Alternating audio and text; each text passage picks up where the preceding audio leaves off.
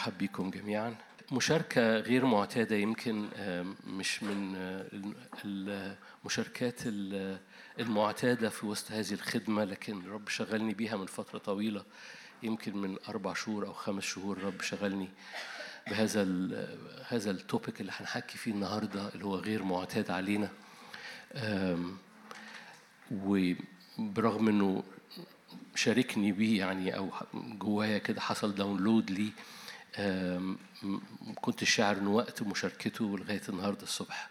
فالنهاردة الصبح شعرت انه وقت مشاركته فاهلا بيكم في هذا الاجتماع الخاص.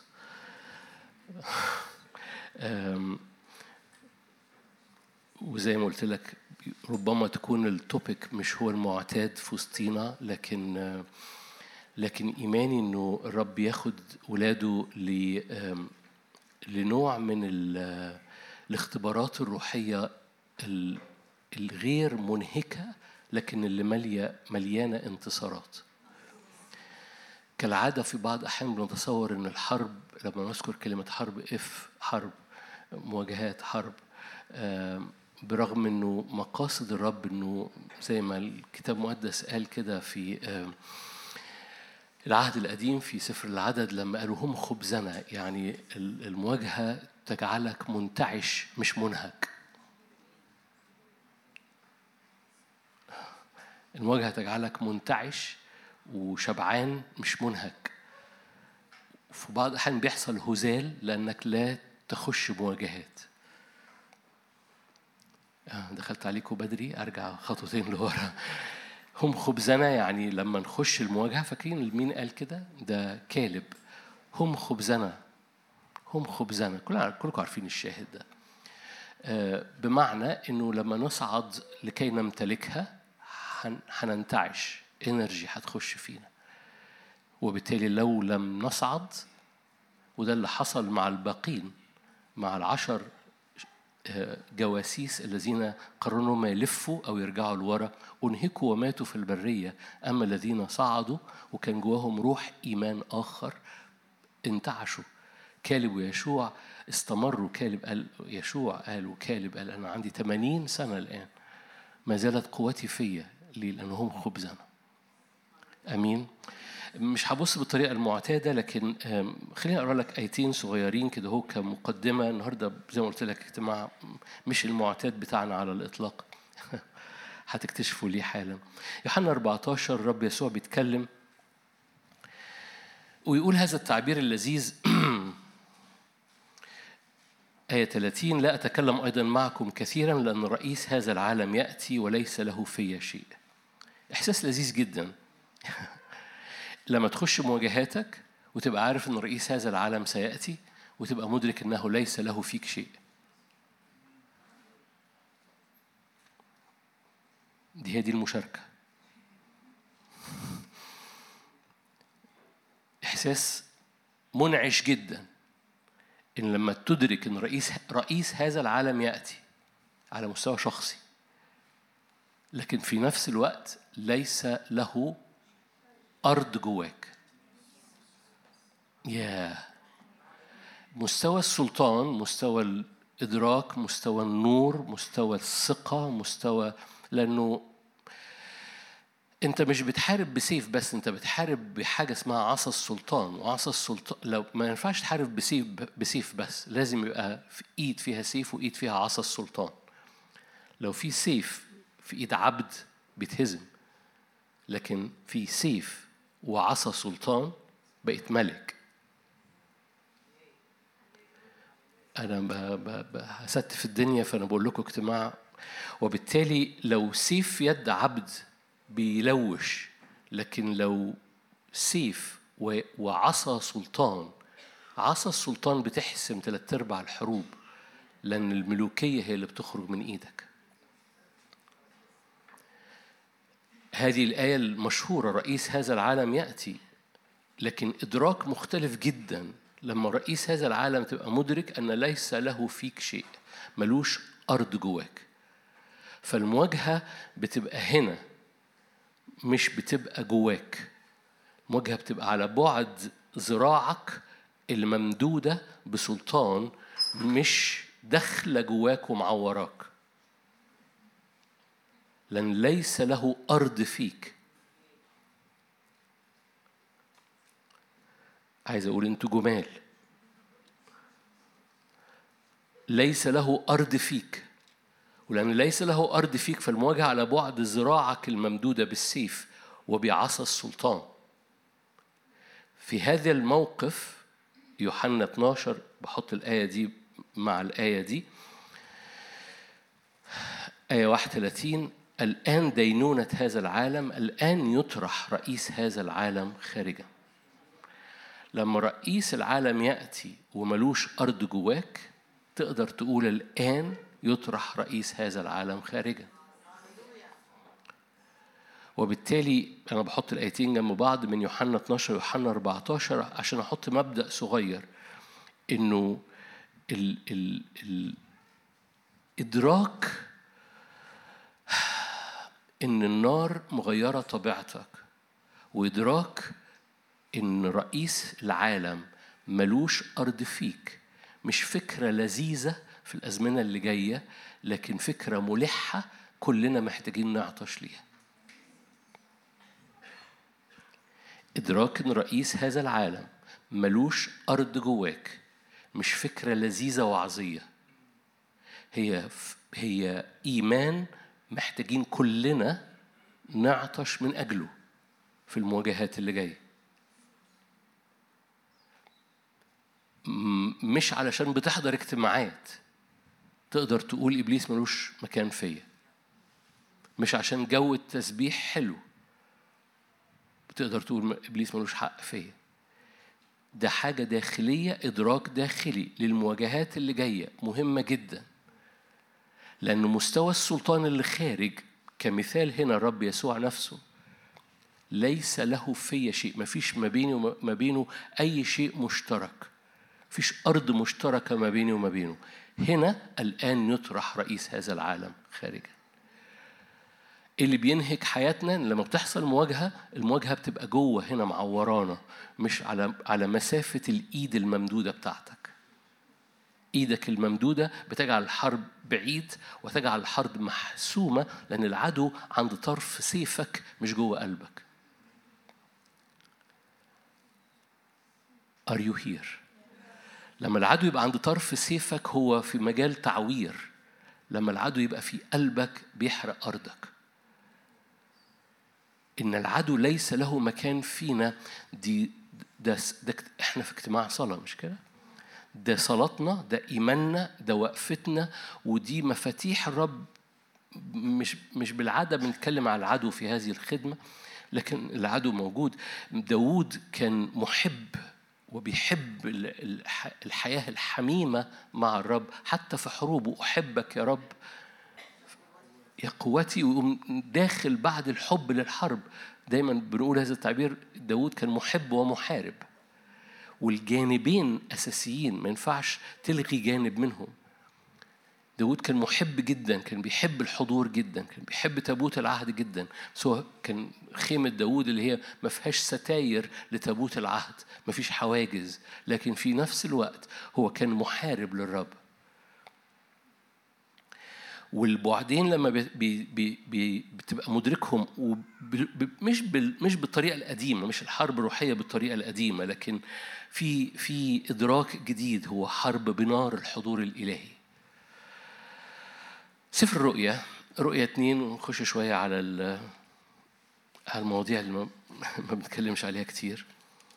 رؤيا اتنين هقرأ لك شاهد من من شواهد الكنيسة. السبع كنائس الموجودين في سفر الرؤيا هم سبع مواجهات للكنيسة سبع رسائل للكنيسة سبع تحديات للكنيسة سبع تشجيعات للكنيسة إنها تغلب. فهم هم الكنيسة الكاملة سبع كنايس رقم سبعة رقم الكمال بس هم بيحكوا عن المواجهات بتاعت الكنايس بصورة عامة. وهبص على كنيسة ثياترا وبرضو دي مش من الكنايس اللي بنحكي عنها كتير. رؤيا 2 18 أكتب إلى ملاك الكنيسة التي في ثياترا هذا يقوله ابن الله. خلي بالك كل صفة لله في لكل كنيسة هي صفة الإلهية اللي الكنيسة محتاجاها في المواجهة اللي بتمر بيها.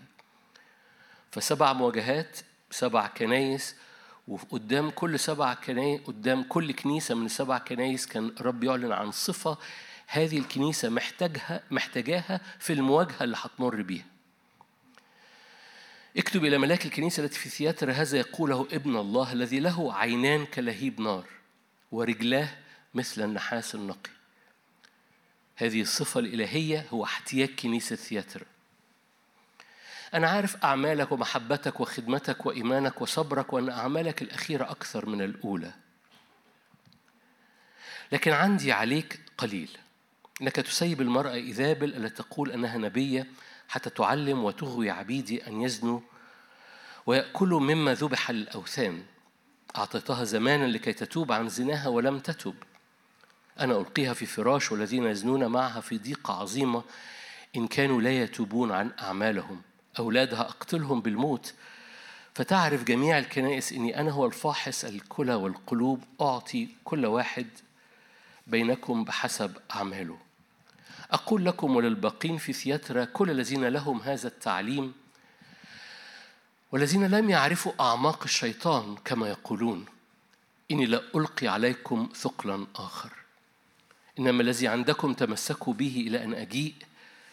ومن يغلب ويحفظ أعمالي إلى النهاية سأعطيه سلطانا على الأمم. خلي بالك الغلبة هنا بتعطيك نتيجة خاصة.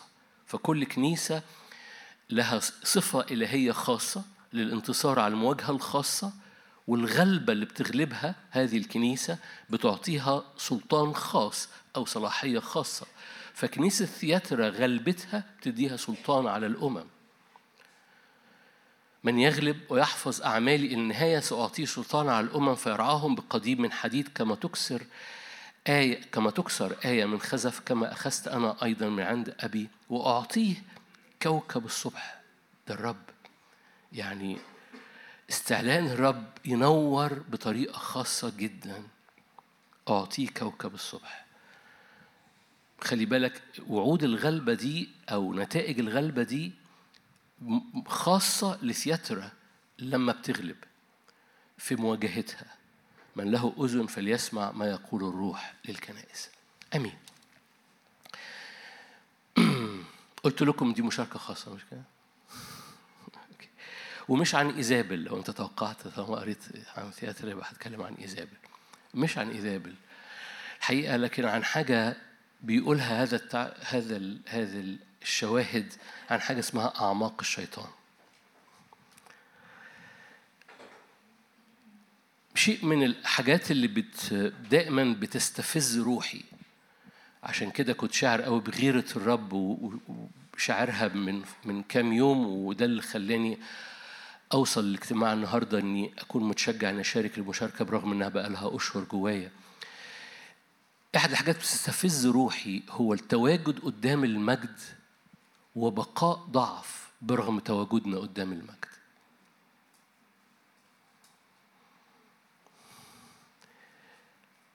احد الحاجات اللي بتستفز روحي هتشاور لك إنها كتابية لكن خليني أخدها علينا إن يبقى أشخاص موجودين في المجد موجودين في أجواء الحضور الإلهي وفي إدراك لنار الروح القدس متحركة. والإدراك ده مش مجرد أحاسيس طايرة في الهواء لكن إدراك اختباري بيغير وبيقدس أشخاص. وفي نفس الوقت يبقى في بوكيتس أو جيوب غير مبرأة وغير مطهرة وغير مفدية برغم التواجد في المجد.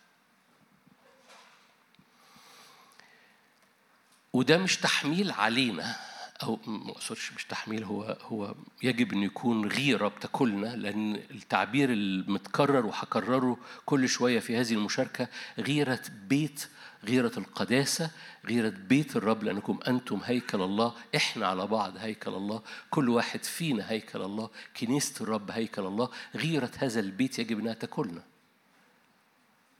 بمعنى إنه ما ينفعش يبقى فيه pocket عارفين يعني إيه pocket جيب صغير جوانا أو جوه هيكل الرب أو جوه بيت الرب مش بيقدس الرب ما ينفعش. والغيرة دي فاكرين داوود؟ بيعجبني قوي داوود كان داوود كان ممسوح ملك ومش ملك. لم يكن ملك. فداود كان ممسوح ملك في الأوضة في المخدع لما صميل مسحه ملك. لكن ده وداود مازال بيرعى الغنم. لكن اللي خلى داود ملك إنه كان بيغير على فاكرين لما جوليات كان بيطلع؟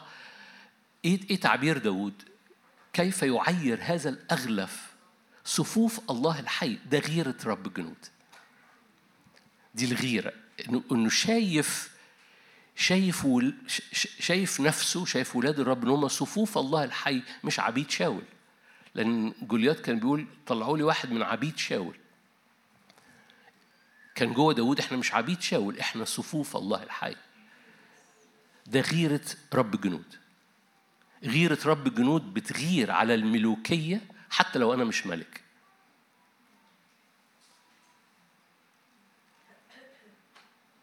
سلام.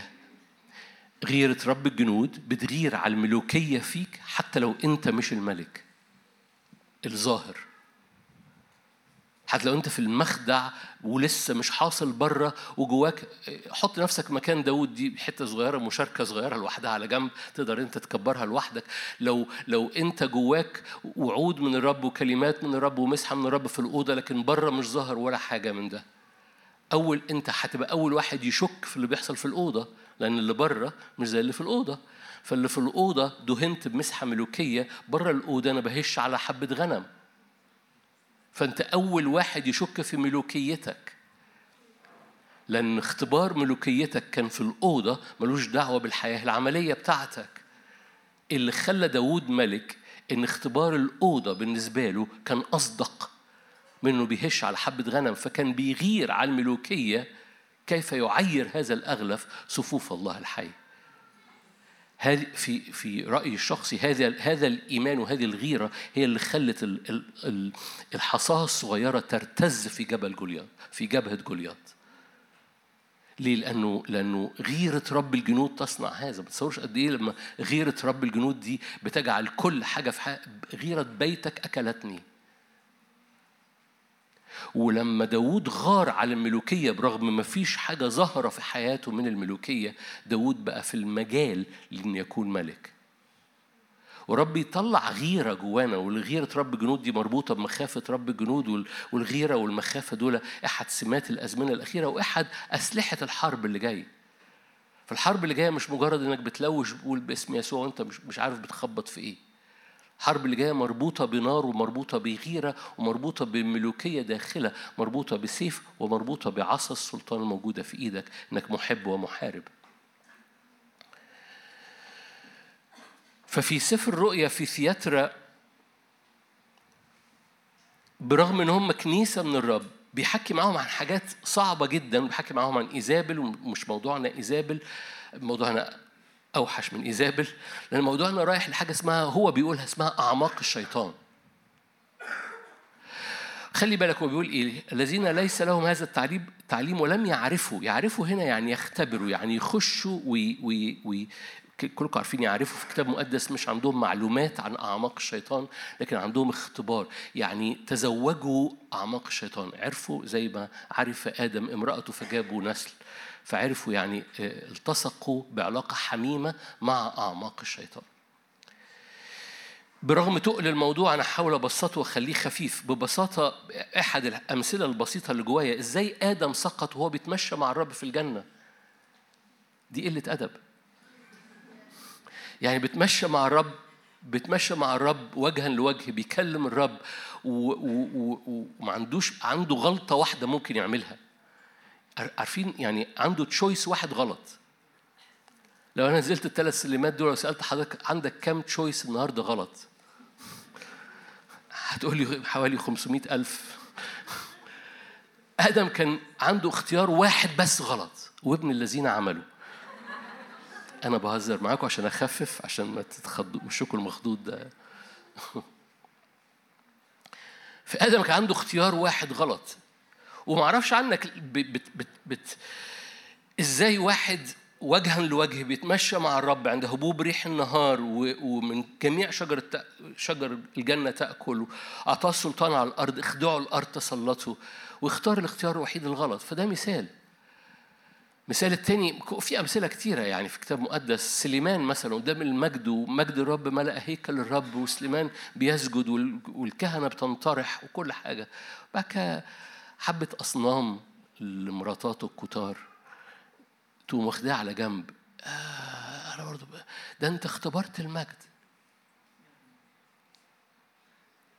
ممكن نروح للعهد الجديد ونتكلم على بطرس نتكلم على جبل التجلي بس أنا هذه الشواهد مش علشان تقول okay خلاص يبقى ده الطبيعي.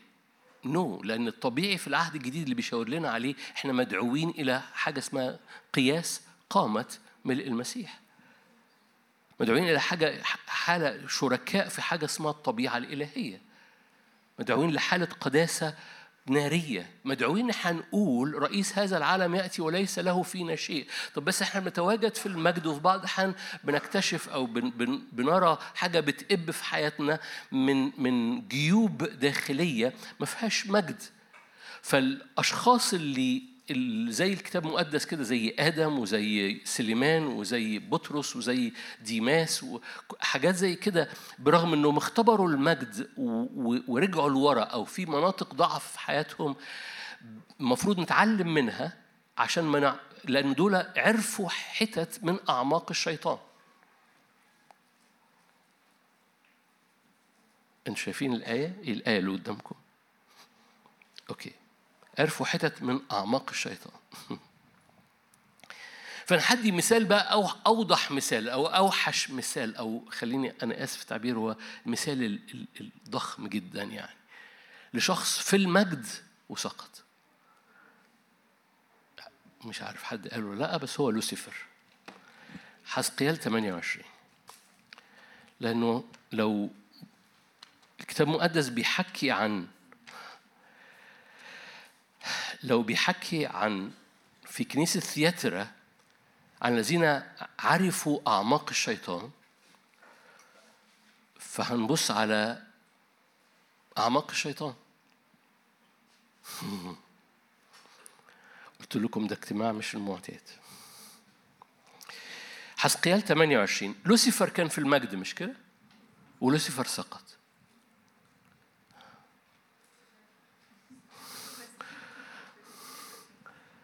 okay يعني آدم كان بيتمشى مع الرب وسقط. okay سليمان كان في المجد في الهيكل وسقط. okay لوسيفر. تعالوا نقرأ. حسقيال 28 هكذا قال السيد الرب أنت خاتم الكمال ملآن حكمة كامل الجمال. آية 13 كنت في عدن جنة الله. كنت في عدن جنة الله. كل حجر كريم ستارتك. عقيق أحمر ياقوت أصفر عقيق أبيض زبرجد جزع يشب ياقوت أزرق بهرمان زمرد وذهب.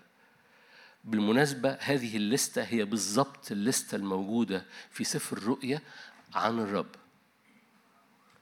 فالحجارة الكريمة اللي مذكورة هنا عن لوسيفر هي حجارة جاية من العرش مباشرةً.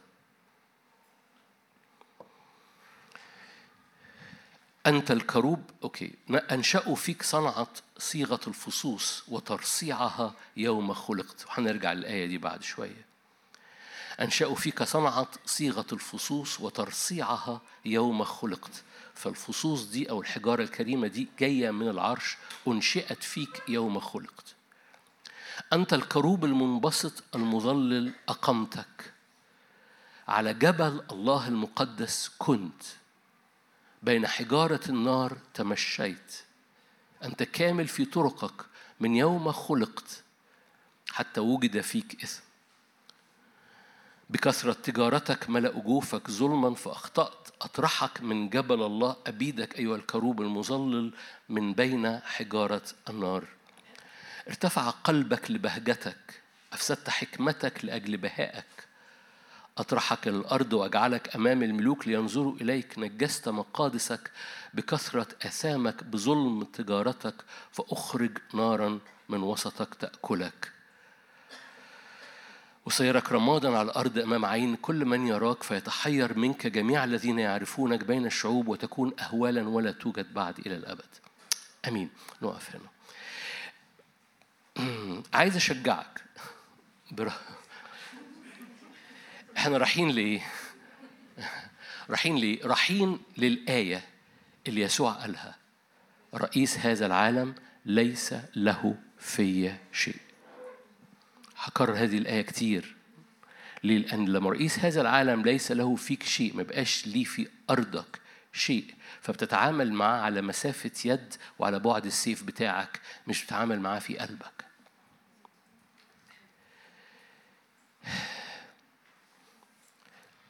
لوسيفر الكروب المظلل اللي مليان جمال اللي مليان حكمة وكامل الجمال اللي مليان حجارة كريمة.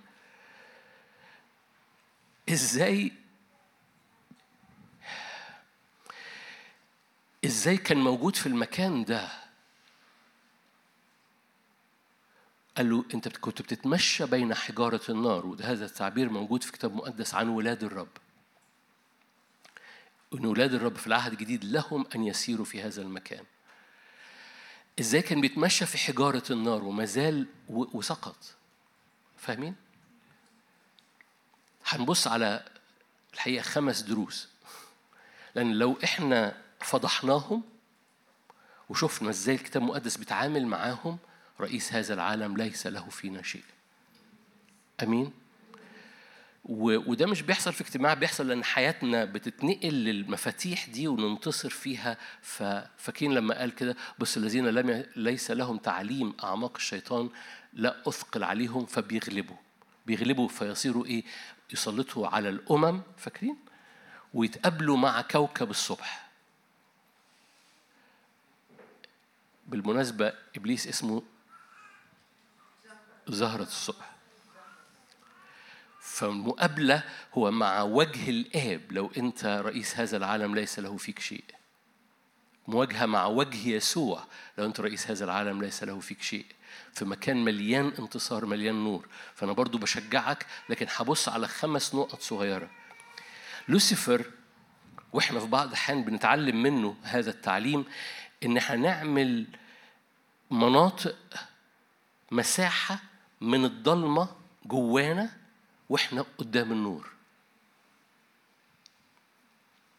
لوسيفر كروب المظلل في جبل الرب في جنة عدن بس اتعلم إزاي يعمل area ضلمة جواه وهو قدام النور. area الضلمة اللي جواه دي طوالي بتطلع أصنام طوالي بتطلع أنا طوالي طوالي بتطلع أصنام ببساطة مش حاجة بتطلع صنم.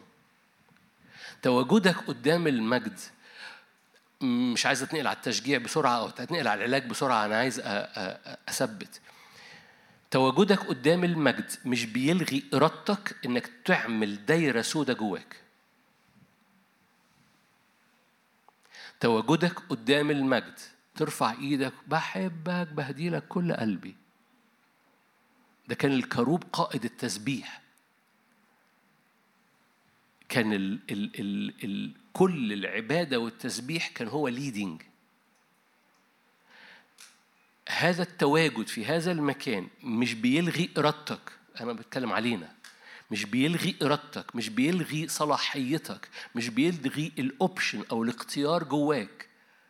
إنك تقوم عامل منطقة وتسيج من حواليها وتبقى الحتة دي ضلمة وتحط فيها حبة أصنام.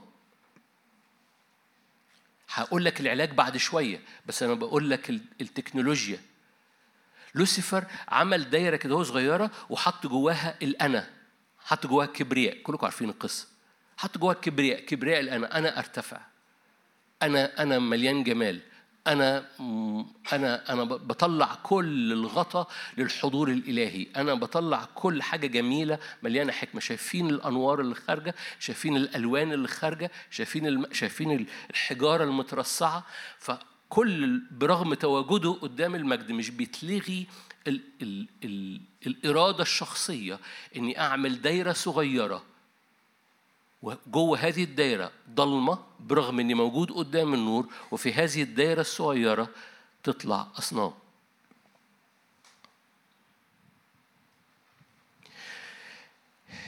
إبليس سقط في الكبرياء.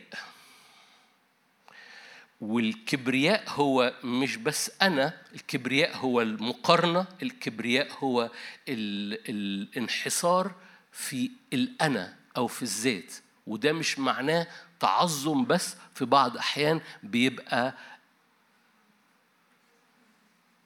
لأن كل كبرياء بيخبي صغر نفس وكل صغر نفس علاجها كبرياء. فأنا غلبان علاجه إني بتنرفز.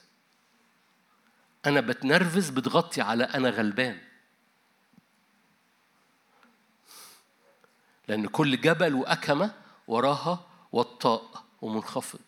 وبالتالي التعويض النفسي لصغر النفس والكبرياء والكبرياء هو إظهار نفسي لصغر نفس مستخبي وراه. تواجدي قدام العرش مش بيلغي اختياري أنا بختار. إن برغم إني متواجد قدام العرش وقدام النور إني ما أصنعش جوايا دايرة سودة. تصوروا لوسيفر ما هو مش صحي في يوم من الأيام وقال أنا متكبر. لا دي حاجة عمالة بتحصل حاجة عمالة بتحصل حاجة عمالة بتحصل ومخبي جواه هذا الأمر. هتشوفوا لأن ده حصل معاه حصل معاه ثلث الملائكة فاكرين؟ هنروح لها حالا.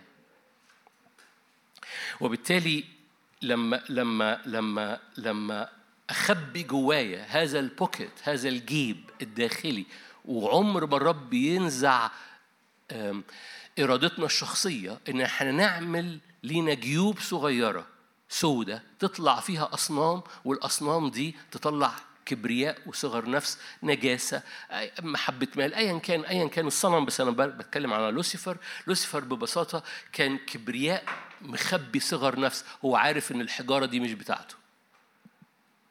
لأن الحجارة دي أنشئت فيه من العرش يوم خلق.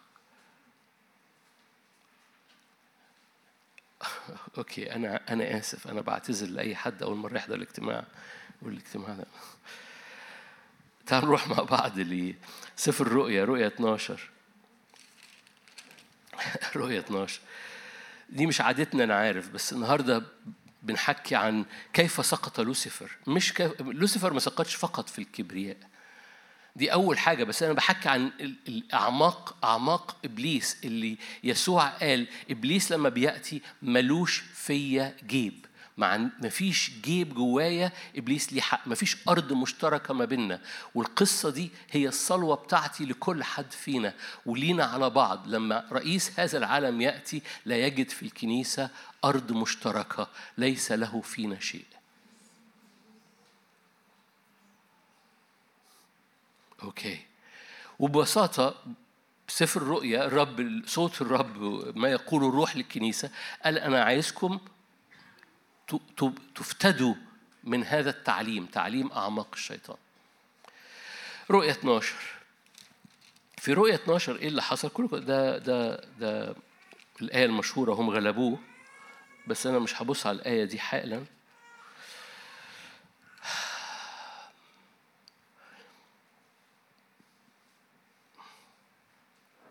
آية ثلاثة في رؤية 12 ظهرت آية أخرى في السماء هو ذا تنين عظيم أحمر.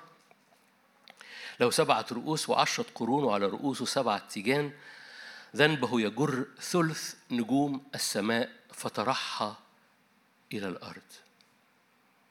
نقف هنا يعني. دي الآية الوحيدة اللي بتشاور إنه ثلث الملائكة سقطوا لأنه التنين ده بيفسر في نفس الإصحاح آية تسعة طرح التنين العظيم الحية القديمة المدعو إبليس والشيطان الذي يضل العالم كله طرح إلى الأرض وطرحت معه إيه؟ ملائكته. أوكي. تاني حاجة حصلت في سقوط لوسيفر. نمرة واحد كان في جيب أسود وهذا الجيب الأسود برغم التواجد قدام المجد مش بيلغي صلاحيتك. وإحنا إحنا اللي بنتعلم مش بحكي عن لوسيفر لكن بيتعلم عشان إحنا ما نبقاش في المكان ده. عمر ما بيتلغي إرادتك الشخصية إنك تعمل دايرة سودة جواك برغم إنك قدام المجد. بتحضر كل الاجتماعات هذا الجيب الأسود هنتعامل معاه حالا بس هذا الجيب الأسود بيطلع حاجات مش كويسة. في سفر الرؤيا اصحاح 12 لوسيفر ما سقطش لوحده وسقط معاه ثلث الملائكة فدي نمبر 2 في المواجهة. إيه عمرك فكرت إيه اللي وقع ثلث الملائكة معاه؟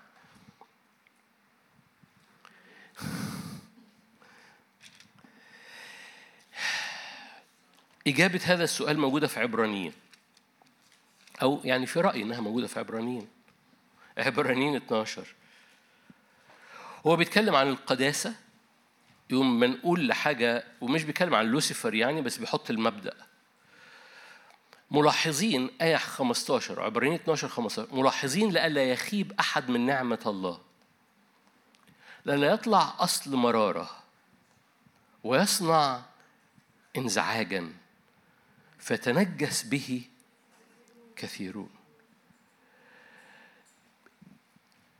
كبرياء إبليس أصنع صنع إنزعاج فجأة عارفين لما إبليس عمل فاكرين لما عمل ذبيحة الملك عمل ذبيحة وقدم ابنه فحصل انزعاج في وسط شعب الرب فرجعوا فاكرين الشاهد ده؟ قدم ذبيحة ابنه البكر على السور كان الشعب رب ينتصر. أما الملك ملك أدوم أما قدم ابنه البكر ذبيحة على السور يقول لك فحصل انزعاج في وسط شعب إسرائيل. ببساطة ما أعرفش عنك عمرك بدون اي سبب كده حسيت ان دماغك مش عارفة تفكر؟ وزي ما يكون مش عارف في حرنت أو قفلت أو تروس قفشت في بعضها؟ وجواك منزعج ومش عارف انت منزعج من إيه؟ ودماغك سخنت وانت مش عارف انت سخن من إيه؟ البعض بيهز راسه البعض بيقول ده ماله. لما بيحصل هذا النوع من المواجهة ده انزعاج في الأجواء ده مرارة في الأجواء. ممكن يكون أشخاص في البيت ممكن يكون إبليس رميها ممكن يكون حاجة مرمية في أجواءك. اوعى تتحرك ورا هذا الانزعاج. اهدى وارجع لرب. بس مش ده موضوعنا حاليا. هنحكي عن التعامل مع ده. بس ده اللي حصل. سقوط لوسيفر وسواد لوسيفر واللي حصل في سقوط لوسيفر من هذا الملآن نور إلى أن الأسود دي تقوم فايضة طفحة في كل حاجة في حياته يصير أسود تماما. بدل ما هو بؤرة سودة بقى أسود تماما. حصل إنزعاج. تنجس بيه تلت الملائكة. تلت الملائكة مش راحوا قالوا آه أنت جميل نطلع وراك. دول كلهم شايفين السواد بس حصل اضطراب انزعاج واخذوا القرار الغلط في الانزعاج فسقط في ذنبه في ديله يعني هم خرجوا في ديله خلي بالك هنا اسمه إيه؟ التنين. أرجع مرة تاني الرؤيه 12 منظره بقى واضح خلاص. لما ال ال ال ال ال الملائكة نزلت في ديله كان إيه؟ تنين عظيم أحبر. ما كانش أبيض ملقان جمال ملقان حكمة وجمال. Are you here؟ فالشياطين مش انخدعت بنوره خرجت وراه. لا دول الملائكة تلت الملائكة خرجوا وراه وهم شايفينه تنين أحمر قبيح. إيه اللي حصل؟ ده ده انزعاج وانزعاج بيملى دماغك بيملى قلبك باضطراب وانت مش مدرك إيه اللي بيحصل. ففي دوشة في تشويش في مرارة يتنجس به كثيرون. أنا عارف ده مش المعتاد بتاعنا. والشكو بيقول خير لما قالوا خير. أنا رايح لإيه؟ أنا رايح لرئيس هذا العالم. ليس له فيك شيء. هللويا. علشان أول ما تبقى في المكان ده ليس له في شيء مستوى الانتصار الآن رئيس هذا العالم يطرح خارجا. هو على على مسافة هنا. فأنا حطه على هذا البعد. هو مش هنا. هو مش هنا هو ما عندوش pocket هنا. أنا بختار أنا لن أسمح لنفسي بحرية إرادة إني أختار أعمل pocket أسود. هنشوف نتعامل معاه إزاي. هنشوف إزاي نتعامل لأنه هنا في عبرانيين بيقول لك كده لما بتخرج بره دايرة النعمة بيحصل إنزعاج. الكنيسة أنا مش عايز أنط بسرعة على العلاجات وإن كان طبعا وشكو بيقول لي قول أي حاجة مشجعة بس.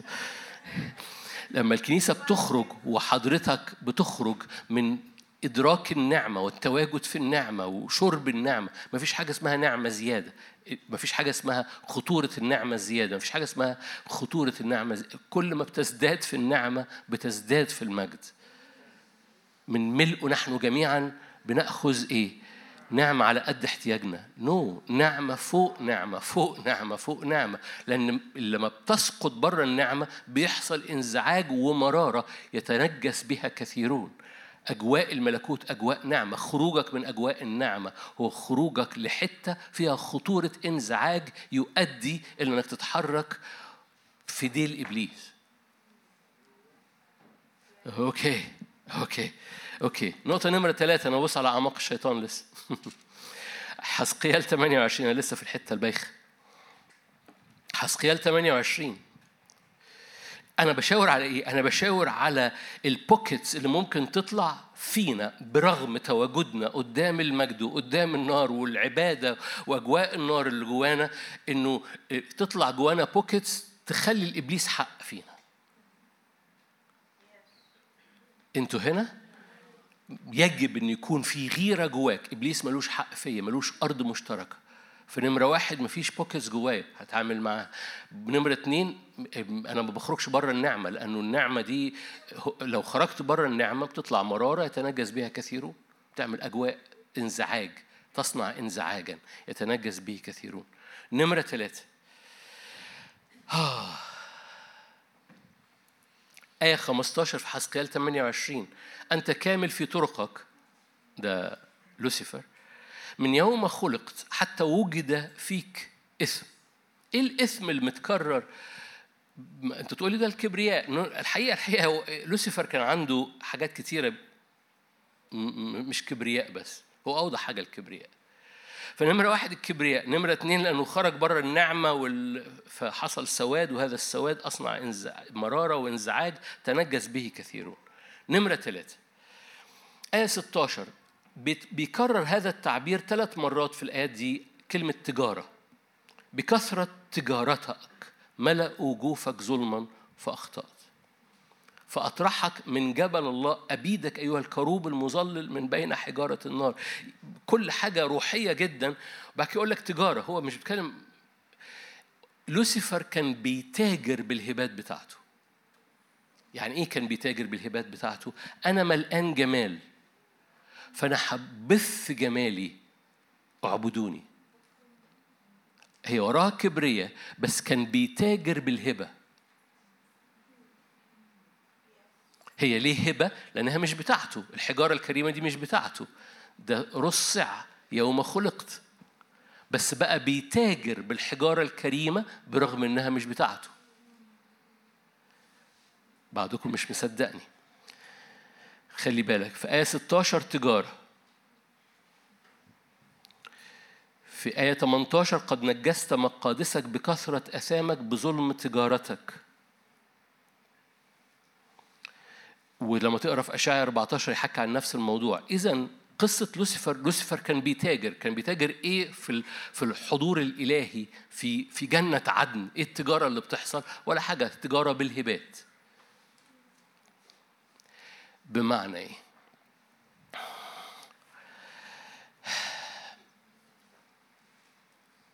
كنيسة كورنثوس كانت متصورة إنها مليانة هبات روحية حالتها كويسة. الهبات الروحية لا تحفظك من السقوط.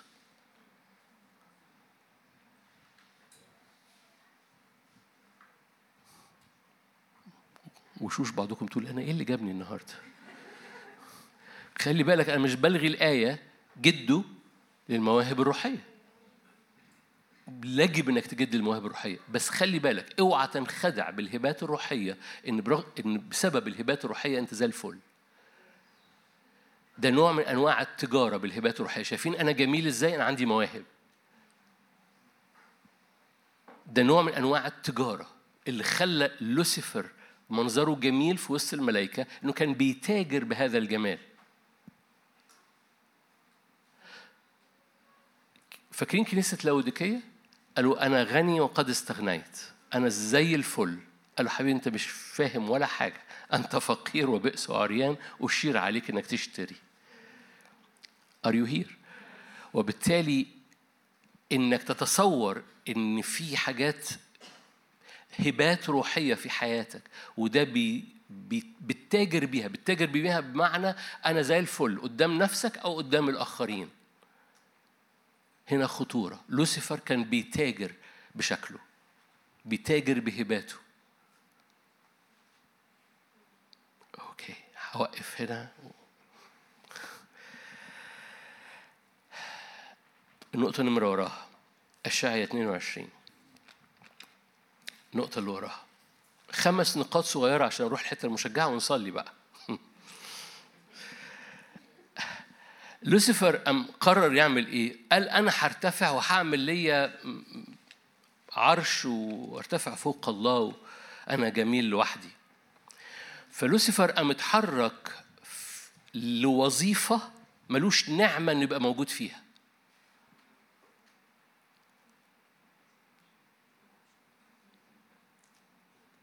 لوسيفر قام متحرك لمكان هو ما عندوش نعمة إنه يبقى موجود فيه. مكان الله. هو ما عندوش نعمة إنه يبقى موجود في المكان ده. ما يحفظك هو إنك بتتحرك في الحتة اللي ليك نعمة إنك تتحرك فيها. لما بتخرج بره النعمة دي عشان لو جاز التعبير تتحرك في حتة أعلى منها ما عندكش نعمة ليها أنت بتخرج في حتة مش متغطية. أشعة 22 بيحكي عن شبنة فاكرينه؟ أشعة 22 شبنة واليقيم شاهد مشهور قوي. شبنة واليقيم آية 15 هكذا قال السيد رب الجنود اذهب وادخل إلى هذا جليس الملك إلى شبن الذي على البيت. ما لك ها هنا ومن لك ها هنا؟ حتى نقرت لنفسك ها هنا قبرا. أيها الناقر في العلو قبره الناحت لنفسه في الصخر مسكنا. هو ذا الرب يطرحك طرحا يا رجل ويغطيك تغطية. ببساطة المعنى الصغير إيه؟ لا تتحرك خارج النعمة المعطاة ليك لما تتحرك خارج النعمة بتتحرك في حتة لوسيفر بيعرف يشتغل فيها. لوسيفر نفسه اتحرك لحتة ملوش نعمة إنه يتحرك ليها. ابقى دايما في في غطاء النعمة. والنعمة دي عمالة بتزداد. ده مش بيلغي إنك تتحرك وراء نعمة زيادة. طول ما النعمة مغطياك تحرك تحت النعمة. أنتوا هنا؟ لوسيفر اتحرك بره النعمة اللي على حياته. لوسيفر كان في نعمة؟ لوسيفر حب يتحرك بره النعمة دي. لوسيفر عمل بوكيت صغير من الضلمة عمل كبرياء. خرج بره النعمة عمل انزعاج. تاجر بالجمال بتاعه أم واتحرك بره الجريس اللي على حياته لهذا قد خلق إنه يتحرك يبقى الكروب المظلل في الحضور الإلهي. آخر حاجة حسقيال 28 النقطة الأخيرة حسقيال 28 لوسيفر كان مليان موسيقى عارفين كده؟ عشان كده إبليس يحارب الموسيقى. لأنه هو مدرك قوة الموسيقى في العرش وقوة الموسيقى بره العرش.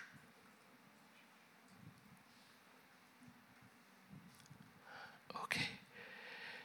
قوة العزف بالروح والعبادة اللي مليانة إعلان عن حضور الرب أو المقابل ليها هو صخب جسدي ونفسي. مش عبادة إعلانية زي ما أخويا بيقودنا فيها. لوسيفر كان الموسيقى جزء منه. أنا كنت أطلع لك الآية هي مترجمة بطريقة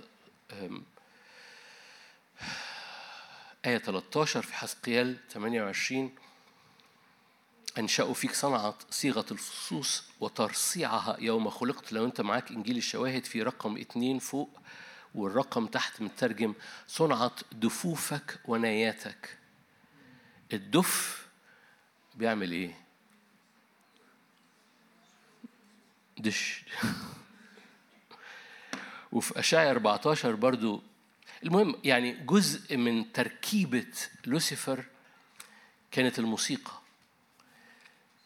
إيه اللي أنا عايز أوصل له؟ إنه إبليس لأنه مدرك تأثير العبادة. فما عندوش مشكلة إنه يعمل لك دوشة لكن ما يبقاش فيها عبادة إعلانية. أنا عايز أكون حريص في في الحتة دي. إدراكي إنه في نقلة في العبادة في بلادنا وفي نقلة في العبادة في العالم كله هو إدراك مهم جدا لنوع العبادة اللي الرب عمال بيطلقها. العبادة الوحيدة اللي بتملى الأجواء بالتأثيرات اللي أنا هنحكي عليها إزاي بننتصر على أعماق الشيطان بعد دقايق هي عبادة إعلانية. يعني إيه عبادة إعلانية؟ يعني مليانة قلوب شايفة وجواها إعلان فبتعبد من الإعلان ده. أي تعود هو عبارة عن دوشة بتعمل فاكرين آه، صنج يطن؟ برغم مواهب روحية بس صنج يطن ليه؟ لأن ما فيهاش إعلان. فهي دوشة هيصة زيطة. بوقف نفسي من أقول أمثلة لترانيم معينة. عبارة عن زيطة ونسجف كلنا.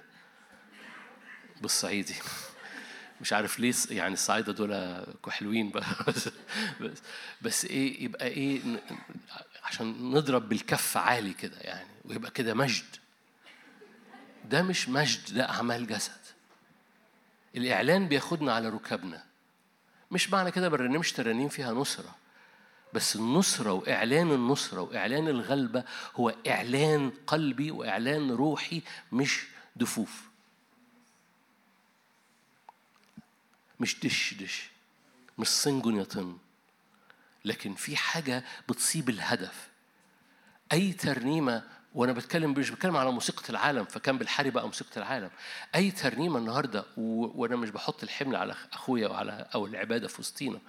أي ترنيمة النهارده مش إعلانية بتصيب الهدف هي بتعمل دوشة. وأنا مش بحط أي تحميل إحنا في أجواء النعمة. لكن لكن القلب اللي شايف وبيطلق إعلان بيصيب الهدف. الترنيمة المعتادة هي عبارة عن دوشة. لوسيفر كان جزء من تركيبته تسبيح. بس التسبيح اللي مش إعلاني بيطلع موسيقى بيطلع موسيقى. لما لما تبص على ال... خلي بالك ده ده حصل من من الأول يعني. لما تبص على الموسيقى إزاي طلعت ومين أول ابتدى حاجات الموسيقى ما كانش من النسل الايمان ده كان من نسل عدم الإيمان. مش ولاد شيث اللي طلعوا الموسيقى. فاكرين؟ فاكرين قايين وهابيل؟ مين قتل مين؟ برافو. مدارس أحد. عشان بس هم مخطوطين ف ولاد قايين هم اللي طلعوا الموسيقى. هتفهم حاجة؟ وبالتالي شيث ما تشوفش من ولاده ناس ليه إبليس عايز يحط الموسيقى في الأرض المخالفة للموسيقى اللي كانت في السماء. العبادة الإعلانية عبادة بتمجد الملك أي حاجة تانية ما فيهاش إعلان هي دوشة. أنا بتكلم على أوضتك أنا بتكلم على عبادة اللي خارجة. معظمكم أنا بكتشف كده معظمكم مش بيرنم ترانيم في الأوضة. وأنا مش بقول لك رنم ترانيم في الأوضة أنا بقول لك وأنت بتقدم عبادتك وتسبيحك وأرجو يكون اللغة ما بينك وبين الرب في أوضتك عبادة عباد لغة عبادة. مش عارف بتقضي وقت قدام الرب بتعبده بترفعه بتعليه ولا لأ بلغتك بالعربي مش بترانيم. بسجد عندك برفعك أنت ملكي أنت إلهي. كل جملة خارجة من قلبك مليانة إعلان مثل هذا. جملة بتصيب الهدف وبتحطك في المكان اللي إبليس سقط منه. كل جملة مثل هذه مليانة إعلان خارجة من قلبك بتحطك في المكان اللي إبليس سقط منه. إبليس أول ما سقط الموسيقى اللي كانت جواه اللي مليانة إعلان بقت مجرد دوشة. خليني أبص على اشعيا ستة. أنا كده خلصت الخمس نقط. تعالوا نبص مع بعض على اشعيا ستة.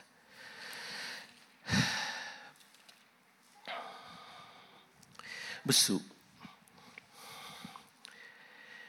عكس الخمس نقط دول هو مفاتيح انتصارنا اللي بتخلي رئيس هذا العالم ملوش فينا شيء. وأختارهم أول واحدة. هل أنا وأنا متواجد قدام حضور الرب مدرك إن أنا أنا ما بختارش اخب أعمل دايرة سودة في وسط الأرض البيضاء اللي الرب عمال بيعملها في حياتي ولا لأ؟ أنا مش بختار أعمل جيب أسود جوايا. أنا بختار كل جيب أسود جوايا بكتشفه إنه أقعده يتحرق يتحرق يتحرق يتحرق قدام النار لغاية لما يتكوي تماما ما يبقاش ليه قيامة. مفيش حل آخر. في حتة لازم تتحرق في النار. فاكرين لما كنيسة آه، لوديكية لوديكية لما قال أنا غني قال له أنت فقير أنت محتاج اشتري مني أول حاجة إيه؟ ذهب متصفي بالنار. ثياب بيضاء فلا يظهر عريك وكحل عينك بكحل عشان تشوف. دايما بنستخدم هذا الآية في البعد الإيجابي نرى المجد ونرى وجه الآب وده كله مظبوط بس في نفس الوقت عينينا ما تبقاش مستخبية عن أي بوكيت صغير جيب صغير جوايا. ولو لقيت جيب صغير أنا عارف إن أنا مخبي فيه أصنام برغم إني كنت رافع إيدي في الاجتماع امبارح. بس رافع إيدي وبعد كده اكتشفت إن في جيب صغير. okay ما تسيبوش ما تفوتش اليوم. ما تقولش إن شاء الله في الاجتماع الجاي بصلي له. no no no no no اقعد ابرك هنا. عايز تنتصر عايز عايز تخش كلكم عارفين القصة بتاعت أرض كنعان وهم داخلين أرض كنعان مش كده؟ أول حاجة عملوها بعد ما عبروا الأردن إيه؟ حد قالها بيهمسها ختان ختان. أول حاجة بهزر طبعا في بعض الأحيان لما يشوع ام ندى رؤساء الأسباط قالوا أكيد حامل لنا حفلة جايب كيكة وتورتة وهي عبرنا الأردن هللويا. اتاري محضر سكاكين صوان. دي حفلة تانية اسمها حفلة ختان حفلة مؤلمة. دي حفلة مؤلمة حفلة فيها قطع ليه؟ علشان ندخل أرض كنعان. يجب أن أرض كنعان ما يبقاش لها فينا شيء حتى لو مستخبي. حتى لو مستخبي. فعشان نمشي في أرض كنعان بسرعة وناخد أرض وراء أرض وراء أرض أول حفلة هنعملها هي حفلة ختان. تاني يوم كانوا قدام أسوار أريحة. حلو قوي. إيه إيه الاستراتيجية؟ خلي بالك دول لسه مختونين. يعني في ألم في دم في في يعني مش عارفين يمشوا عدل. هنمشي صامتين. يوم ورا يوم ورا يوم ورا يوم. ست أيام وفي اليوم السابع سبع مرات. ده إيه؟ ده إحنا إحنا إحنا ال ال الإعلان بتاع الختان. وابليس ملوش فينا شيء بيترسب جوانا. وفي اليوم السابع في آخر سبع مرات بنهتف ويسقط السور مكانه. إيه اللي خلاهم بيعبروا إن إبليس ليس له فينا شيء؟ أول ما تكتشف بوكيت صغير زي كده من فضلك ما تفوتش اليوم ما تقولش في الاجتماع اللي جاي ما تفوتش بعد الظهريه تقوم واخد نفسك وتقعد نفسك خليني أقولها أنا آسف باخدها من من من يشوع قعد نفسك لمدة أسبوع كل مرة بتخش تصلي بتصلي من أجل النار تحرق هذا البوكيت ما ما تستغ ما ما ما تقعش تحت شكاية إيه ده؟ ده في صنم في قلبي. وتعيش تحت هذا البعد. أصل أنا في صنم في قلبي. صلوا لي أصل أنا في صنم في قلبي. خلاص يعني أعبر الحتة دي. اقف قدام الرب وعلى الأقل لمدة أسبوع. كل مرة بتصلي كل يوم بتصلي إن هذه المنطقة تتحرق فيها أرض الأصنام. علاج اللي إحنا حكيناه ده إن النار انت بتختار ان النار تلمس هذه البؤر السوداء اللي ما فيهاش نعمة اللي فيها مقارنات اللي فيها صغر نفس وكبرياء فيها بقى الخمس نقط اللي حكينا عليها دي. لأن أشعيا ستة القصة كلها أشعيا ما كانش عنده مشكلة وأنا واقف قدام حضور الرب أنا نجس الشفتين. أشعيا ما خباش البؤره جواه أنا ساكن وسط شعب نجس الشفتين. آه الشعب ده يتحرق بنار. نو أشعيا يعني شايفة أنا نجس الشفتين. أخطر حاجة إنك تقف قدام النار اللي أنت عارف إن جوزك محتاجها. بس مش اللي انت محتاجاها. أو اللي مراتك محتاجاها. أو ولادك محتاجينهم. أول حاجة علشان ولادنا تبرأ إن إحنا نبرأ. إن إحنا نكتشف البؤرة السوداء اللي فيها صنم جوانا إحنا. وأول ما البقرة دي بحطها قدام الرب ليه؟ عشان النار تلمسها. إن مستك هذه نزع كفر عن إثمك. ذهب متصفي بالنار وده اختيار ده تشويس ده. ده انت بتختار وبتقعد نفسك بتقعد. هي مش صلوة وعدينا بقى نقلب ليه؟ لأن صلوة وعدينا دي بتخلي المنطقة بتزداد قوتها الحتة السوداء دي بتزداد قوتها والصنم بياخد بي... بيتحور لكن كل ما بتقعد الحتة دي قدام النار بتتكوي ولما بتتكوي أنا باخدها من هذا المثل إن حفلة الختان كان وراها سبعة أيام صمت حفلة الختان اللي حصلت في بعد عبور الأردن كان وراها سبعة أيام صمت. أسباب كتيرة ممكن تتأمل تأملات كتيرة بس أنا باخدها في حتة تانية يمكن عمرك ما سمعتها إن السبعة أيام دول كانوا بعد الختان وكانوا ماشيين متألمين. لكن هم ماشيين إحنا فاكرين إحنا عدينا البحر بقى و هنقرقش الدنيا. لا اقعد قدامي كل حاجة كل حاجة جواك اتدفنت في الأردن وكل حاجة جديدة طلعت في الأرض الجديده عشان الأرض الجديده ما يبقاش للعدو ليك فيها شيء. خلي خلي الإعلان ده يستوعب جواك خلي النار تلمس كل حتة. قال أشعيا في أشعيا ستة آية خمسة ويل لي أنا هلكت لأني إنسان نجس الشفتين ساكن بين شعب نجس الشفتين عيني قد رأت رب الملك رب الجنود فطار إلي واحد من السرافين وبيده جمرة قد أخذها بملقط من على المسبح مس بها فمي وقال إن هذه قد مست شفتيك انتزع إثمك وكفر عن خطيتك. ما تقدرش تتصور قد إيه تأثير إنك تنقع نفسك تنقع نفسك في هذا الحضور. مرة تاني مش عارف ليه برضو سبعة أيام فضل موسى قدام النار سحابة النار سبعة أيام لغاية لما نداه الرب. سبعة أيام لغاية لما نداه الرب. بعد سبعة أيام دي قال له ادخل بقى في السحابة. في حتة كده هو محتاج لو أنت مكتشف أي بؤر فيها أصنام ما تسيبهاش لبيريود كاملة لمرحلة كاملة لسبعة أيام كاملة. أنت كل يوم بتسأل إن النار تحرق هذه الأصنام تحرق هذه المرارة تحرق هذه المرارة. طبعا جواها مرارة. حلو قوي. المرارة دي بتصنع إنزعاج يتنجس به كثيرين. ما تسيبهاش. ما تسيبش إنك تجد أعمال جسد خارجة وانفعالات خارجة وما ما ما اطلع من نفوخ الدنيا صعبة. no no no ما تسيبهاش. ليه؟ لأنه الأول ما بيبقاش في رئيس هذا العالم ليه أرض جواك الآن يطرح رئيس هذا العالم خارجا ما ما أمجد حضرتك وانت واقفة بتقولي رئيس هذا العالم يأتي وملوش في بيتي شيء. ملوش في قلبي شيء ملوش في ذهني شيء ملوش في خيالي شيء ملوش في أفكاري شيء الشباب ملوش في أفكاري شيء ملوش في دوافعي شيء. مفيش أجندة داخلية جوايا زي أجندة لوسيفر. ولو في أجندة أنا بحطها قدام النار وبح يوم ورا يوم ورا يوم ورا لغاية لما تتكوي تماما لغاية لما تتكوي ما يبقاش لإبليس أرض جوايا. مفيش شيء مشترك مفيش صدى لصوته. لما يخرج ينادي مفيش حاجة جوايا بتنادي باك مش بينادي على على على الأنا فيا فالأنا يطلع مش بينادي على النجاسة فيا فالنجاسة تطلع مش بينادي على الخزي فيا فالخزي يطلع. لما بينادي ما فيش حاجة بترد من أرضي. ما فيش صدى لصوته جوه أرضي. ليه؟ لأن النار يجب أنها تحرق. في حاجة اسمها قياس قامة ملء المسيح. في حاجة اسمها قياس قامة ملء المسيح. لما تبص على ديماس لما تبص على أي حاجة من الحاجات دي كل مرة هو كان في أجندة خاصة. ديماس كان جواه حب للعالم مخبيه جواه. وهو بيتحرك مع بولس وبيتحرك في الخدمة أقوى فريق خدمة في العالم. بولس. وإرساليات بولس. أقوى فريق خدمة. وكان ديماس متقدم في هذا الفريق. أحسن من كده إيه؟ كل الناس تبص يا بختك يا ديماس أنت وكان ديماس وكان هو يعني اللي عليه العين في الجزء الأول. في خدمة بولس. يا بختك يا ديماس ده حكي لنا عن أخبار المجد يا ديماس. بس ديماس اللي متحرك في هذه الأخبار من المجد كان جواه pocket صغير من محبة العالم. كل شوية عمال ي feed كل شوية عمال ي feed كل شوية ما ما ما ما مش بيسمح له إنه يتحرق.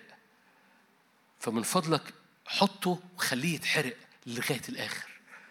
ملاخي ثلاثة أنا بختم. ملاخي ثلاثة أنتوا كويسين؟ ابتديتوا تتنفسوا شوية؟ أوكي. ملاخي ثلاثة. هو بيحكي عن الأزمنة الأخيرة. ملاخي ثلاثة. من يحتمل يوم مجيئه هو ذا يأتي رب جنود. ملاخي ثلاثة اتنين من يثبت عند ظهوره. خلي بالك ده ده ده بدون دخول في التفاصيل. إمتى هذه الآيات في حسب مدارس الأزمنة الأخرويات؟ بتاعتك لأنه مثل النار الممحص ومثل أشنان القصار يعني الرب الرب في المجيء الثاني مثل نار الممحص مين هيعرف يعيش في المجيء الثاني اللي واقفين في النار Are you here؟ مين مين مش هيخاف من النار؟ اللي واقف في النار. اللي واقف بره النار هيطلع يجري من النار لكن واقف في النار مش هيخاف من النار. في المجيء التاني الرب مثل نار. والنار دي غيرة وغيرة البيت لازم تاكلنا. غيرة علينا غيرة على مجده وغيرة على اسمه هي دي القصة كلها عارفين إيه اللي وقع موسى؟ موسى لما ضرب الصخرة مرتين قال له أنت لم تقدسني أمام أعين الشعب أنت ما غيرتش على اسمي قدام باقي الناس عايز تحتفظ على نفس عايز يبقى في اللي هو الزيج في حياتك تعرف تختار صح ولا لأ هل هل الاختيار مربوط بغيرة الرب على البيت بتاعه ولا لأ في كل أمر لما موسى ضرب الصخرة مرتين لو حكم على نفسه دي, دي, دي غيرة الرب ولا ولا دي نرفستي؟ لأ دي نرفستي. غيرة رب الجنود أحد. أسلحة الزيج في الأزمنة اللي جاية. مثل نار الممحص مثل أشنان القصار. فيجلس ممحصا ومنقيا للفضة. فينقي بني لاوي دول أولاد الرب. يصفيهم كالذهب والفضة ليكونوا مقربين للرب تقدمة بالبر. هللويا. يعني حضرتك تبقى متصفي كالذهب والفضة فتكون مقدم للرب تقدمة للبر. دي حياتك. خلي بالك البر ده قوة غير عادية في الحرب الروحية. البر ده بيخليك خفيف مليان نور مليان نار ولأنك متمحص بالنار لأنك بتوقف نفسك قدام النار رب يحب ده. ده بينقي ولاده كالفضة والذهب عشان يقدموا تقدمة للبر قدام الرب. ولأنك بتقدم بالبر قدام الرب تشم ريحة العدو. آه. العدو على عند طرف سيفك. عند طرف سيفك ليه؟ لأن مفيش شيء مشترك ما بينك وما بينه. لأن هنا في نار. والعدو عارف نار الرب وعارف طبيعة النار اللي هو فيها. العدو عارف نار عارف نار الرب. هو كان بيتمشى في حجارة النار وانت النهارده في العهد الجديد. أشعة يقول لك كده الساكن في وقائد أبدية الساكن في حجارة النار. ده حضرتك. أشعة 33 يقول كده إنك حضرتك حصل استبدال لك التواجد قدام الرب. تنظر الرب ببهائه عيناك تبصران بتتمشى تسكن في حجارة النار. بس اتعلمنا من لوسيفر إزاي سقط عشان لما انت النهارده تتمشى في حجارة النار وتقف وتقول له الكل ليك بتكون بتقول له الكل ليك. هللويا. ولما تكتشف ان في حتة مش ليه ما ترجعش لورا. نار. ليه صفيني بالنار نقي دي بالنار نقي نقي مقارنة. أنا جوايا مقارنة يا رب. اكتشفت مقارنة. اكتشفت لما بسمع أخبار كويسة عن حد تاني جوايا بتقبض. زي ما يكون هو أخذ حاجة بتاعتي. واضح إن دوست على زراير. واضح إن دوست على حبة زراير والشوكو جميل. ف فاحيانا ببقى محتاج أخد سيلفي بسرعة. فسمعت خبر كويس عن حد قلبي اتقبض ما تتخضش. أنا ليه تتكعور جوه نفسك؟ أو تسيبها. غلوش غلوش غلوش. قلبي ما اتقبضش ولا حاجة. no no no no, no. حطها قدام النار بسرعة. حطها قدام النار وقعدها قدام النار وما تفوتهاش قدام النار لأن بعد سبعة أيام وأنت حاططها قدام النار رب هقول لك تعالى go into the glory تعالى خش جوه المجد. في اليوم السابع دعا من السحابه بس حطها قدام النار. ما تفوتهاش ما ما, ما تخليش تسرسب من إيدك آه هبقى اصلي لها إن شاء الله no no. طوالي اطلب النار تيجي عليها لأنه بينقي لاوي مثل نار الممحص مثل أشنان القصار فينقي بني لاوي ويصفيهم كالذهب والفضة عشان إيه؟ مقربين للرب تقدمها بالبر فيفضل إبليس عند آخر سن سيفك لأن ليس له فيك شيء لأنك بتحب بيت الرب بتحب تغير على بيت الرب في بيتك طريق القداسة وغيرة بيتك تأكلني. فغيرتك على الملكوت غيرتك على القداسة غيرتك على على ملك على على اسم الرب إن اسم الرب يستعلن. كيف أصنع هذا الشر العظيم وأخطئ إلى أبي؟ ده إيه؟ ده غيرة رب الجنود. إزاي إزاي ده هذا الأغلف يعرف صفوف الله الحي؟ ده غيرة رب الجنود. وعشان كده أنا بختم. رؤية اتنين اللي ابتدينا بيه نختم. يا رؤية اتنين فاكرين ثياترا؟ ثياترا؟ فاكرين قلت لكم إيه في الأول؟ الصفة الإلهية لكل مواجهة كانت بتعلن في بداية الكنيسة. إيه الصفة الإلهية؟ هذا يقوله ابن الله الذي له ده رؤية 2 18 إيه علاج ثياترا. بالمناسبة ثياترا جاي من ثياتر ثياتر يعني مسرحية يعني منظر. دي كنيسة اسمها إحنا مسرح. okay مش مش موضوع. okay. هذا ما إيه إيه العلاج؟ ابن الله الذي له عينان كلهيب نار ورجلاه مثل النحاس النقي. القصة كلها قداسة. القصة كلها إيه علاج ثياترا؟ نحاس نقي في المسير وعينين مليانة لهيب نار. قداسة. وخلي بالك هذه القداسة وهذا المسير النقي بيؤدي إلى من يغلب؟ آية 26 أعطيه سلطانا على الأمم. فرعاهم بقضيب من حديد. شايفين مقدار السلطان؟ ده جاي من إيه؟ جاي من البر. جاي من جاي من النار دي اللي بتقدس فنقدم كتقدمة بر للرب فيعطيك سلطان على الأمم. فتقف تصلي من أجل الأمم والشعوب.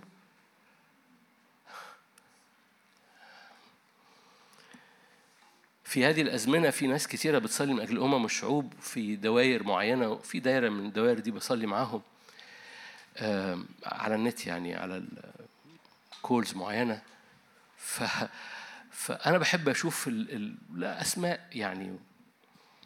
فحد بيصلي من أجل الأمم قاعد يصلي نص ساعة بعد نص ساعة آه okay. حد وراه قام مصلي دقيقتين. كل حاجة فائت حد فاهم حاجة؟ ممكن تقول جملتين بسلطان. يعملوا كل الفرق. ممكن تقضي نص ساعة بتضارب الهوا. بتضارب الهوا. دقيقتين بسلطان. أبرك. دقيقتين ببر. أبرك. دقيقتين وإبليس على طرف السيف. أبرك. من نص ساعة صلاة بتضارب الهوا Are you here؟ والقصة كلها ده ده مليان بر ولا لأ؟ ده مليان نعمة ولا لأ؟ مليان سلطان ولا لأ؟ وأول ما يبقى ده مليان سلطان الآن الآن رئيس هذا العالم يطرح إلى الخارج ليه؟ لأنه يأتي وليس له فينا شيء. كنيسة ثياترا بيقول لهم كده أنا بديك سلطان على الأمم ترعاهم بقضيب من حديد، مش بس كده أعطيك آية 28 كوكب الصبح.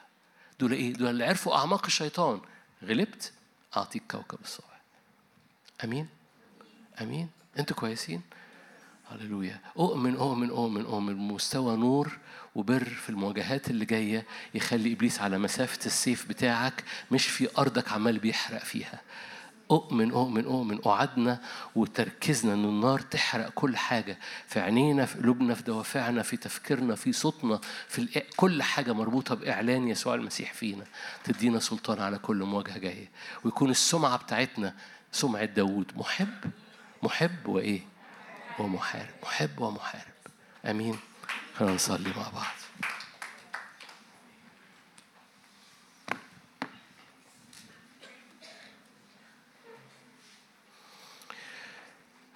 رافعين رايتك رافعين اسمك رافعين دمك رافعين غلبتك رافعينك يسوع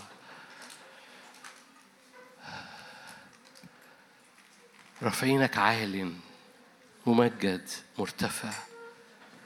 اسمك فوق كل اسم رايتك فوق كل راية. ملك الملوك ورب الأرباب. ملك الملوك ورب الأرباب. ممجد. قدوس. ارفع إيدك معايا في البيت أو في القاعة. قاعد أو واقف مش فارق مش لازم تقف لو أنت مش قادر تقف لكن هللويا. ليكون هيكلي ده أنا بصلي بلغتك ليكون هيكلي مكان استقرار لراحتك ولحضورك ولمجدك. ليكون هيكلي جسدي أفكاري نفسيتي.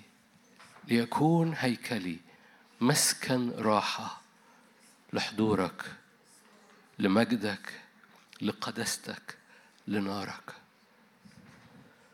ليكون هيكلي قدس للرب. عشان كده كانوا بيضعوا عمامة مكتوب عليها قدس للرب.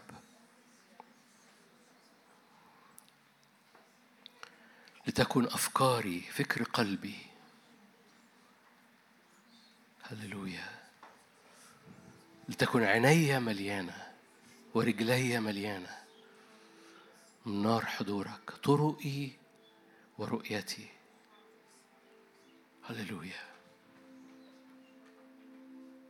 كسهام مبرية بيد جبار كسهام نار بيد جبار. حياتنا ملك السيد ملك السيد. أنا ملكك. قولي له كده فكري فيها. أنا ملكك. وأي pockets جوايا أي جيوب صغيرة جوايا مش ملكك؟ بطلعها قدام النور. أنا نجس الشفتين ساكن بين وسط شعب نجس الشفتين. بدون شكاية لكن بتقديس. نريد أن نمتلك في أرض المواريث. إذا لتعبر بلغة العهد القديم بسكين صوان. بلغة العهد الجديد لتعبر بجمرات النار. تك تكوي كفر عن اسمك. نزع اسمك. هي. من فضلك بعد إذنك. هي صلوة مش بتخلص في هذا الاجتماع بس أنا مجرد عايزك تتحرك فيها وروحك تتحرك فيها ببساطة. ضع إيدك على قلبك لو تحب. أنا واضع إيدي على قلبي قدامك ما فيش مشكلة. يعني دي حقيقة مش مش مش بتم مش بمثل مش ثياتر. أي أصنام في القلب يا رب. أي أصنام ظاهره أي أصنام مختبئة أي بوكيتس داخلية. مش بس اهدم هذه الأصنام لكن نار حضورك. نار حضورك. أي أصنام أنا أي أصنام كبرية أي أصنام صغر نفس. أي مقارنات أي هللويا. أي صورة مشوهة أي عبودية أي نجاسة أي طمع. عارفين أن الطمع هو عبادة الأصنام؟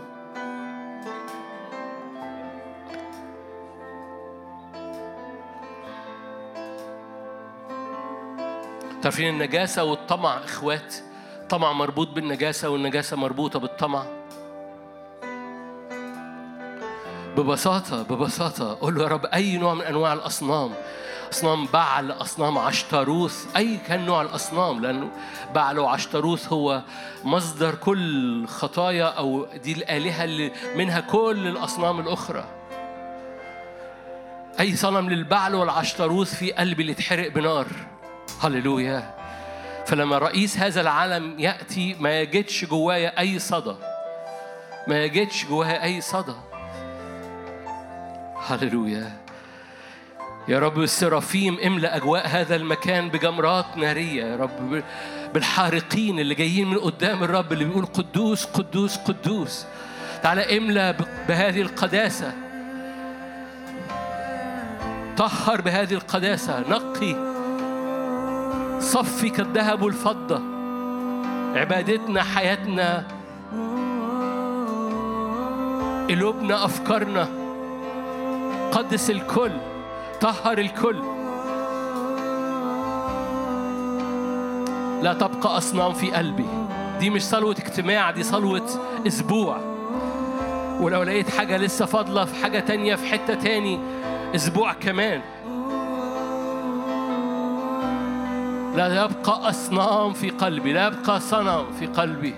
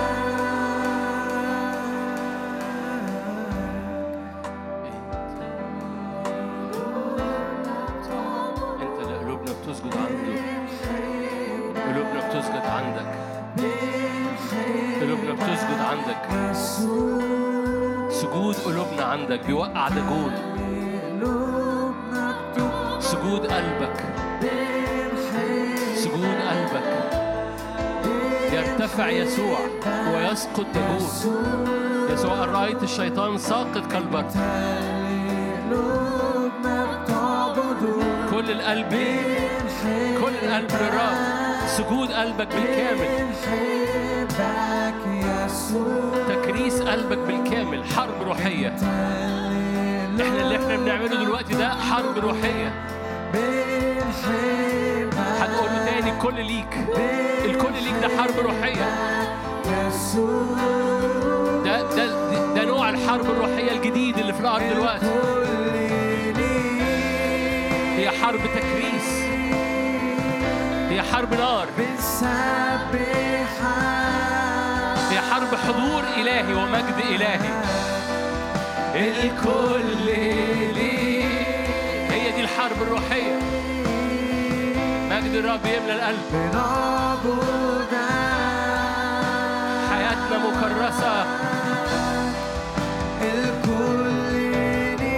يصفي بني لاوي يصفي بني لاوي.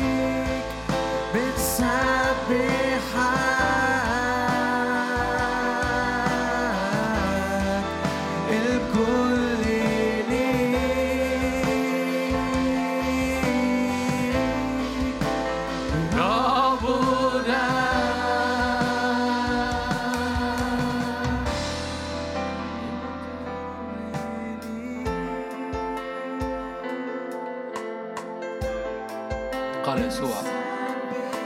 الشيطان ساقط كالبرق من السماء. الآن يطرح رئيس هذا العالم خارجا. لأن رئيس هذا العالم لما بيأتي ليس له في شيء. ارفع إيدك معايا لو تحب. قاعد واقف. إحد الصور عن الرب وعن مجد الرب. الكتاب المقدس يقول إن إحنا في العهد الجديد ناظرين مجد الرب وجه مكشوف. لما في العهد القديم حب يوصف مجد الرب قال كده. من حقويه إلى فوق نار ومن حقويه إلى أسفل نار. اطلب ده اطلب إن النار تملاك من حقويك إلى فوق ومن حقويك إلى أسفل.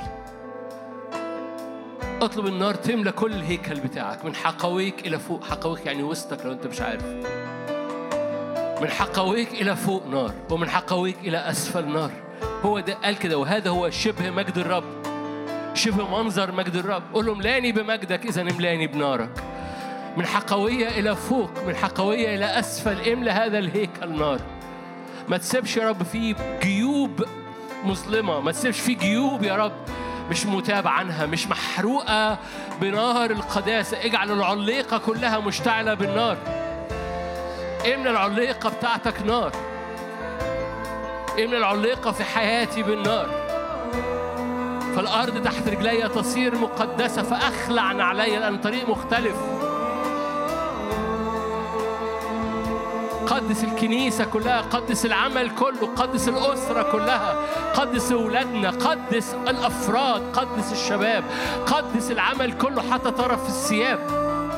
من رأسنا لرجلينا على مستوى شخصي وعلى مستوى العمل كله.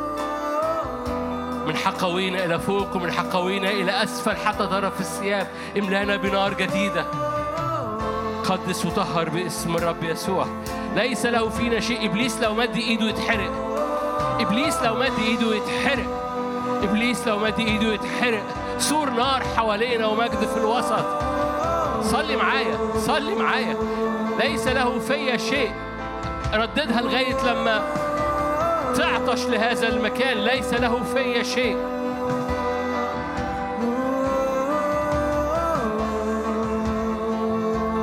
إحنا بنصلي النهارده عطشانين لهذا ال هذا ال هذا اللي يسوع فتحه لينا. رئيس هذا العالم ليس له فينا شيء.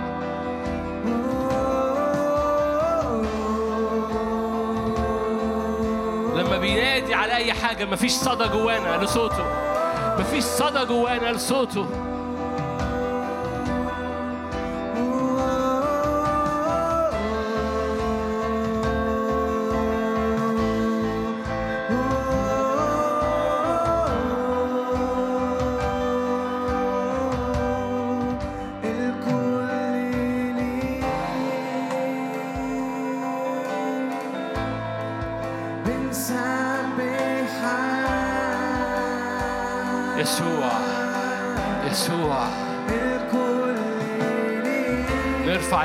يسوع. هللويا. ردد يسوع وانت بترنم هذه الترنيمة.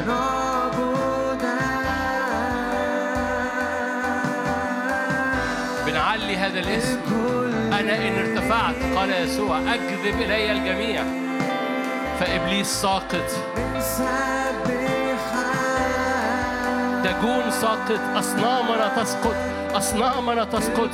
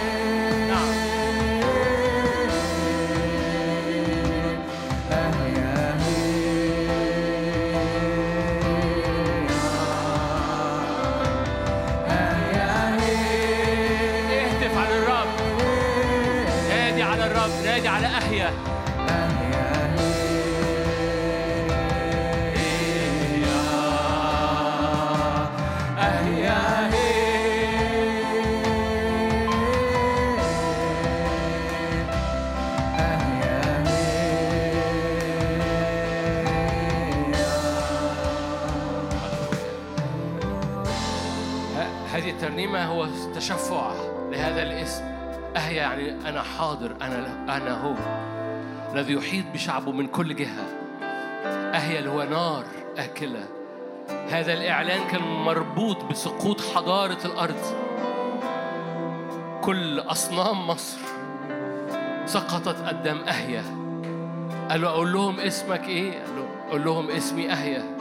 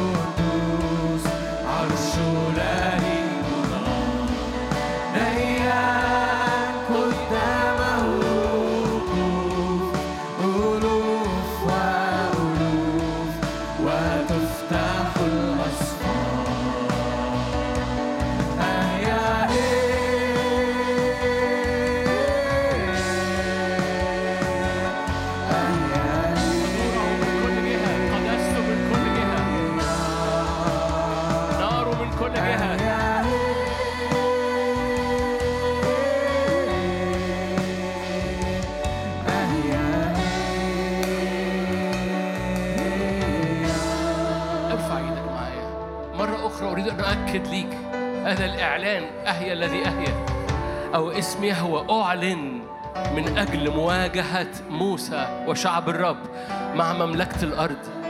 فارفع إيدك معايا. هذا الاسم هو هو إعلان طبيعة إلهية هو اسم الرب اللي بيقول لك أنا حاضر أنا أحيط بيك من كل جهة. اسم يسوع هو أهيا الذي يخلص يهوى الذي يخلص. خلاص من كل جهة. وبالتالي لما بتعلن اسم يسوع وبتعلن اسم أحيا هو تشفع الرب الحاضر الذي يحيط بينا من كل جهة الديان المهاب اللي قدامه كل الشعوب. فأطلب هذا الاسم إنه يحكم على أرضك. أطلب إن هذا الاسم يحكم على أرضك. اهيا يحكم في أراضينا. يهوى الرب من كل جهة يحكم في أراضينا. منه تخرج التشريع. شريعته تحكم على حياتنا. قدوس مهاب ديان. هللويا. ناري املأ أجواءنا بحضورك املأ أراضينا بيوتنا. فرنمها لبيتك رنمها لأولادك رنمها لخدمتك. رنمها على أسوار بيتك. رنمها على أسوار أولادك. رنمها على أسوار خدمتك. أحيا. أحيا. أحيا. هي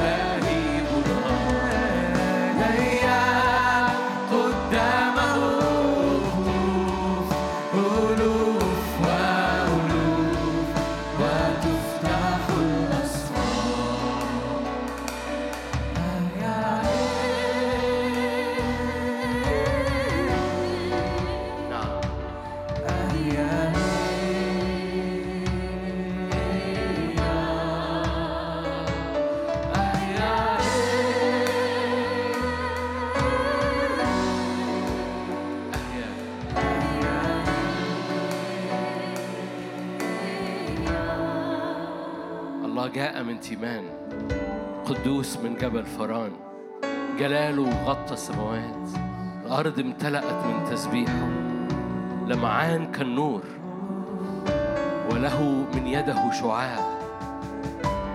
عرية قوسك تعرية سبعيات سهام كلمتك. شققت الأرض أنهارا الشمس والقمر وقفا في بروجهما لنور سهامك الطائرة للمعان برق مجدك. خرجت لخلاص شعبك ارفع إيدك واعلن معايا الآية. خرجت لخلاص شعبك. خرجت لخلاص شعبك. معريا الأساس حتى العنق. سحقت رأس بيت الشرير.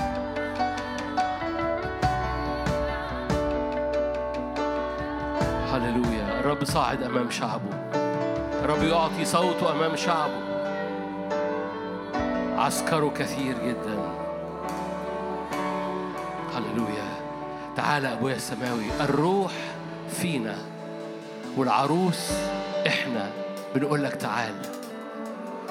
تعال على أراضينا تعال على بيوتنا تعال واستمر في الإتيان إلى أن تأتي. الروح والعروس الروح فينا والعروس هويتنا بيقولوا لك تعال. تعال على أراضينا. تعال على أبواب بيوتنا. تعال على أراضينا. تفتدى الأرض. تفتدى أمراض. تفتدى مرارة. تفتدى أحزان. تفتدى بيوت. لأنك دفعت ثمن كامل. أنت فادي نفوسنا. ارفع إيدك معايا وصلي. قول له تعال. مش بتكلم على المجيء التاني بتكلم على مجيئه إلى أن يأتي المجيء التاني. وعمال بيجي عليكي. عمال بيجي عليك. عمال بيجي علينا. هيئته عمالة بتتغير فينا وقدام عينينا. الروح عمال بيقول لك تعال. غيرة قلوبنا بتقول لك تعال. بنغير على بيتك. تعال. تعال لبيتك. تعال خش أطرد الأصنام. تعال اصنع صوت وأطرد الباعة من الهيكل. تعال وقدس هيكلك لأن بيتك بيت الصلاة يدعى. تعال وقدس أراضينا تعال لتتميم وعدك في أراضينا. غيرة قلوبنا على دعوتك أكلتنا غيرة بيتك أكلتنا. تعال تعال تعال تعال تعال. تعال بنار آكلة تعال بقدس أقداسك. تعال كعمود نار في وسطينا. تعال اضرم نارك فينا. تعال اضرم اضرم قلوبنا واضرم حياتنا واضرم عينينا. تعال كنار آكلة.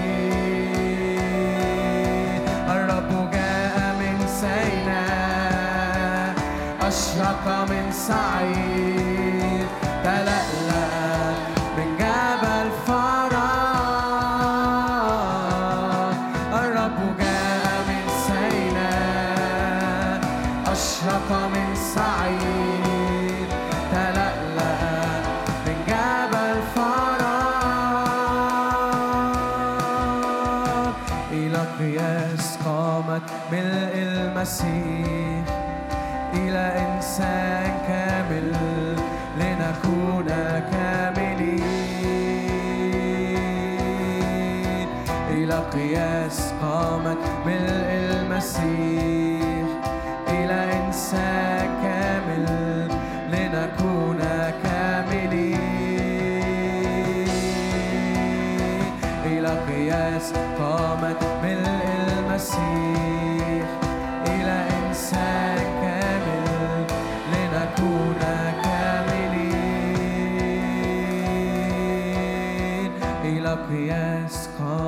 ملء المسيح إلى إنسان كامل لنكون كاملين. ارفع إيدك معايا. ارفع قلبك أهم. رئيس هذا العالم يأتي ولا يجد إلا نار في حياتي لا يجد إلا غيرة بيت الرب. لا يجد إلا نار عبادة نار حب نار إعلان نار قداسة نار حرقة كل حتة. مرة أخرى أذكرك القصة مش صلوات في اجتماع. قصة هي رحلة روحية في النار. مش مش بتضارب فيها الهوى. بتقطع أيام محددة. منشن على أمور محددة. أنت مدرك إنها محتاجة تتحرق بنار الروح القدس. في ذهنك في عينيك في قلبك في أرضك. فبتقدم الكل بصورة عامة وبتقدم المخصص بصورة خاصة. يعني بتقدم كل الحياة تكريس. كده بتقدم البقر الصغيرة بصورة خاصة من أجل نيران خاصة. فحياة التكريس حياة بتقدم فيها البعدين بتفوكس على نقط وبتوسع الرؤية للكل تقدم الاتنين. الحياة كلها بكل ما فيها بقى البقر الخاصة بتاعتك بتقدمها. وتطلب كل ده يتملي بالنار. أفضل مكان اختباء لينا هو في نار نازلة من فوق أفضل مكان اختباء لينا. ورئيس هذا العالم يأتي فلا يجد فينا إلا نار. والساكنين في نار أبدية سكنة في وقائد أبدية دول ما بيخافوش. يقول لك الملك ببهاء وعيناك تبصران. عيناك تريان أرضا بعيدة. الشعب الشرس أرواح الشر الشرسة تهرب من أرضك. أين الجابي؟ أين الذي عد الأبراج؟ لا جباية فيما بعد. أين الرعب؟ الرب يذهب يذهب البعد. الرعب بعيدا عنك. الملك ببهاء وعيناك تبصران. ليه؟ لأنك في الأعالي تسكن. حصون الصخور ملجأك. خبزك يعطى ومياهك مأمونة. فلا تخاف أبدا. لا تخاف روحيا لا تخاف نفسيا لا تخاف اقتصاديا لا تخاف جسديا لأن الرب فادي كل حاجة لأنه لأنه أنت بيته وغيرة بيته بتاكلك. نار الروح القدس تملأ. لو في أمراض في الجسد في القاعة أو في البيت الآن والغيرة بيتك تأكلني فنارك تملى كل خلية مريضة فيا. يذهب الألم. يذهب يذهب آلام الأعصاب آلام العضلات آلام العض... الليجامنتس الأربطة والأوردة باسم الرب يسوع. تذهب ليه؟ لأن الرب يأتي بناره فيقدس كل الجسد بتاعك وبتاعك. هللويا. مؤخرا ولد صغير في سبع سنين أو ثمان سنين ودن مش بتسمع ودن نص نص. الاتنين سمعوا بالكامل.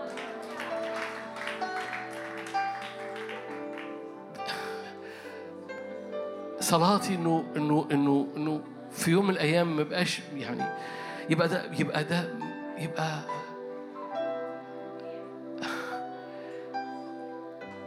نشهد بس عن القوات الغير معتادة القوات الغير معتادة. أنا أنا ده اللي ذكرته الولد الصغير لكن في ناس كتيرة شفيت من حاجات أصعب من كده. أنا مجرد عايز أشجعك إنه أحد أسلحة الحرب الروحية في الزمن الجاي هو النار والمجد وإنه إبليس ملوش فينا شيء. فأصغر صلوة خارجة منك أصغر صلوة خارجة منك أقوى جدا من ساعات صلاة في حرب روحية.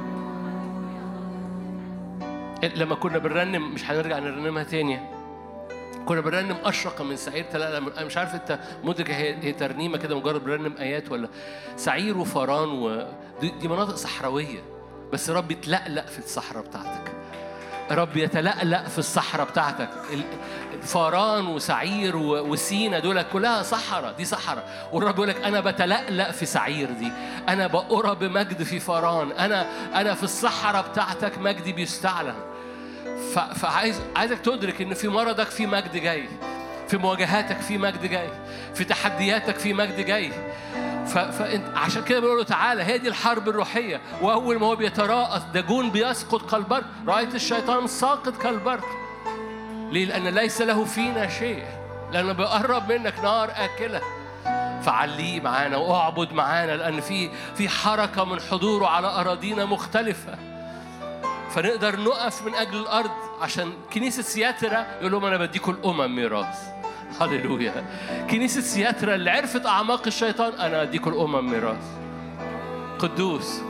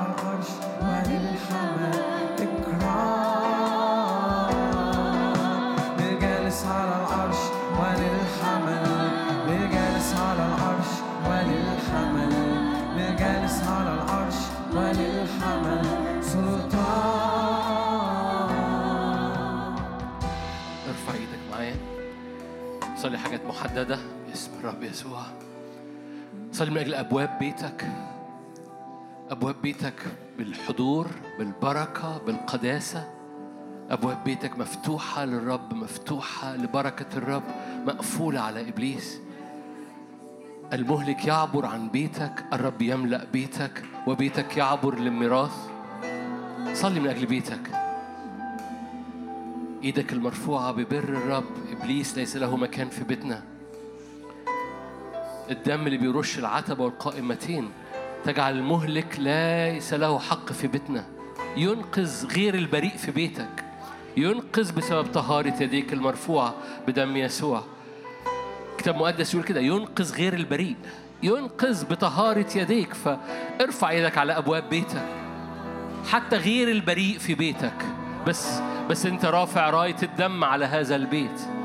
الرب ينقذ غير البريء. هللويا. خد لحظات صلي من أجل بيتك.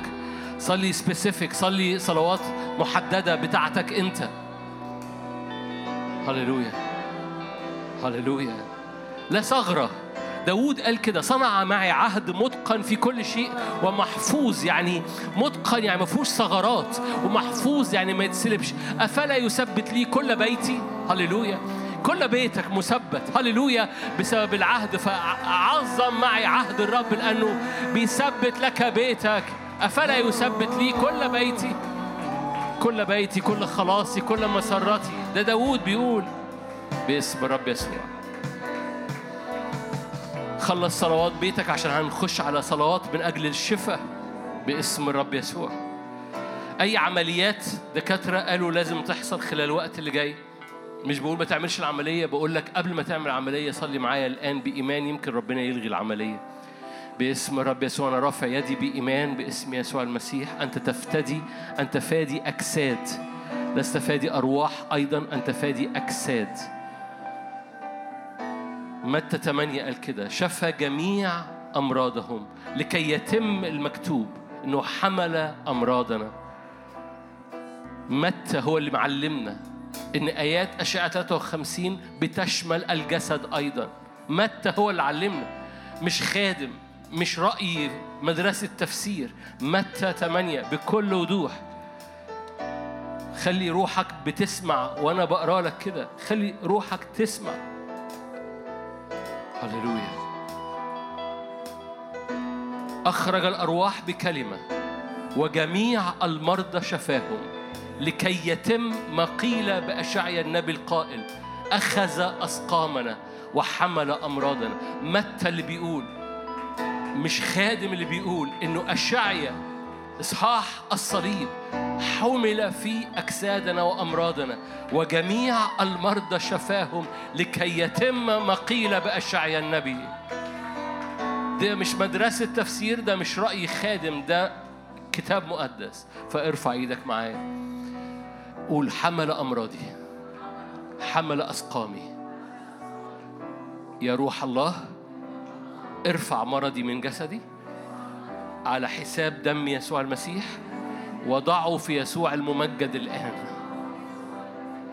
يا روح الله ارفع ألمي ارفع المرض ضعه على المسيح يسوع بقوة الروح القدس.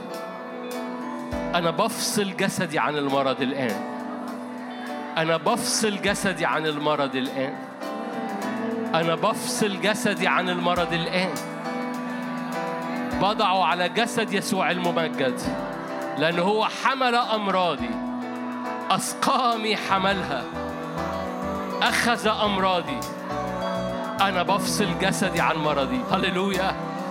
باسم الرب يسوع. أنا بفصل جسدي عن مرضي. ضغط عالي صداع نصفي. باسم الرب يسوع. مجرد افصل جسدك بالروح القدس. يسوع أخذ عنك. ده مش رأي خادم. ده رأي الروح القدس.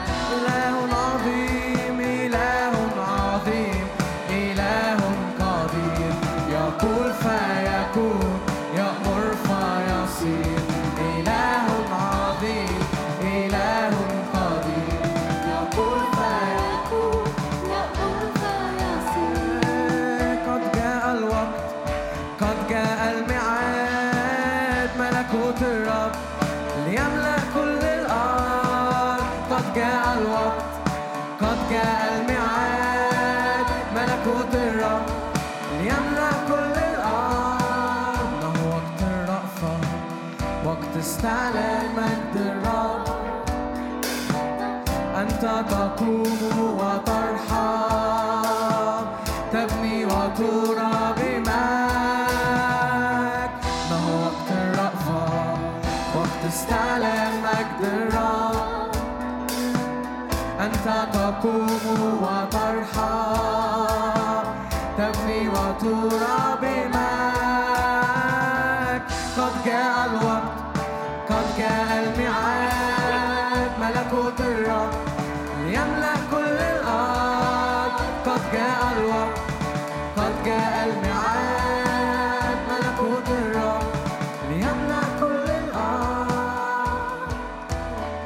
صلينا من أجل بيوتنا؟ هنصلي من أجل أسوار بلادنا وأسوار الدعوة اللي على بلادنا باسم يسوع. أسوار بلادنا هو تخوم بلادنا تخوم الشرقية الغربية الجنوبية. ارفع إيدك بإيمان باسم الرب يسوع. ليه بنصلي من أجل تخوم بلادنا من أجل تتميم الدعوة على بلادنا بلدنا عليها دعوة بلدنا ليها مقاصد في الرب وإحنا بنصلي من أجل تتميم المقاصد. افتداء بلدنا في الزمن افتداء النفوس أبدي. في ناس بتقول ما ملناش الحق نصلي من أجل البلاد ربنا مهتم بالنفوس مش مهتم بالبلاد. ده مش مظبوط قوي في فرق ما بين افتداء البلاد وافتداء النفوس. افتداء النفوس أبدي. افتداء البلاد في الزمن. لتتميم القصد في الزمن. دي وعظة لوحدها بس مش دلوقتي. في افتداء للبلاد. افتداء البلاد في الزمن. عشان البلاد تتمم الدعوة اللي عليها افتداء النفوس اللي في البلاد هو افتداء أبدي. افتداء البلاد في الزمن افتداء النفوس أبدي. دي لا تلغي دي ودي لا تلغي دي الرب يفتدي الأمم من أجل تتميم الدعوة. Are you here؟ في فرق ما بين الاثنين رب يفتدي الأمم من أجل تتميم الدعوة. بيفتدي النفوس للأبد. أمين؟ فاحنا بنصلي من أجل افتداء بلادنا لتتميم الدعوة اللي عليها باسم الرب يسوع. هللويا. لا سلب للدعوة. وده يدعونا ان إحنا نصلي من أجل البركة على بلادنا. فابواب بلادنا تصير مفتوحة للبركة مقفولة على إبليس. أبواب بت... أبواب بلادنا مفتوحة للبركة مقفولة على إبليس. أبواب بلادنا مفتوحة للنهضة مقفولة على إبليس. أبواب بلادنا مفتوحة لحركة الروح القدس ومقفولة على إبليس. أبواب بلادنا مفتوحة لكل مقاصد خير ومقاصد إلهية لتتميم الدعوة ومقفولة على مؤامرة إبليس. أبواب بلادنا أبواب واقفين فيها على الأسوار لأن الكنيسة ملح للأرض. كنيسة ملح للأرض. أبواب بلادنا مفتوحة لحضورك ولمجيئك ول- ولزياراتك ولنهضتك وحركتك في وسطينا. مقفولة على إبليس باسم الرب يسوع. رافعين إيدينا من أجل السودان. اسم يسوع. مؤامرة إبليس على السودان مربوطة بمصر بس مؤامرة إبليس على السودان بتؤثر على شعب السودان فارفع إيدك. زي ما اتفقنا هناك علاقة ما بين مصر وكوش. كوش بتلمس السودان بتلمس. بتلمس أثيوبيا أيضا. في اسم فارفع إيدك بإيمان. هللويا. مؤامرة إبليس تفشل مؤامرة الرب تنجح باسم يسوع.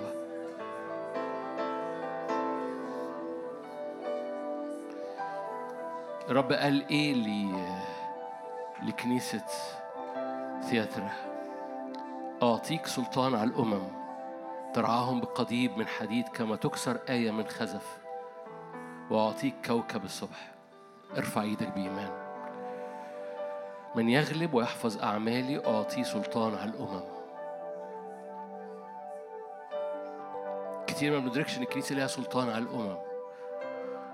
بس ببساطة الكنيسة ملح للأرض يعني بتدي طعم للأرض. من يغلب أعطيه سلطان على الأمم.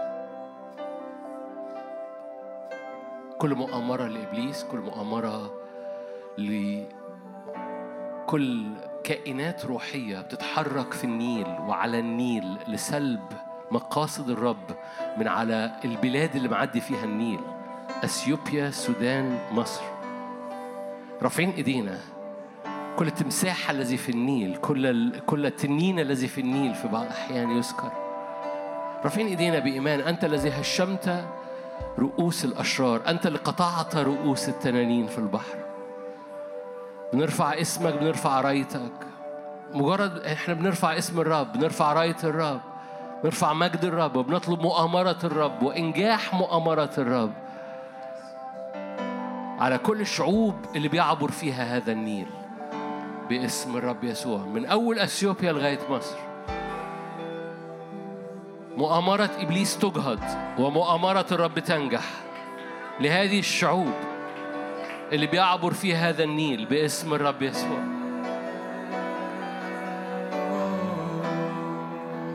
تنفجر أنهار تنفجر مياه تنفجر ينابيع تسقط أمطار. مجد الرب يرى.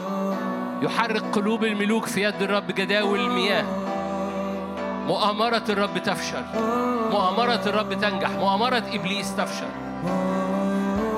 مؤامرة إبليس تفشل. قاطع رؤوس التنانين في البحر.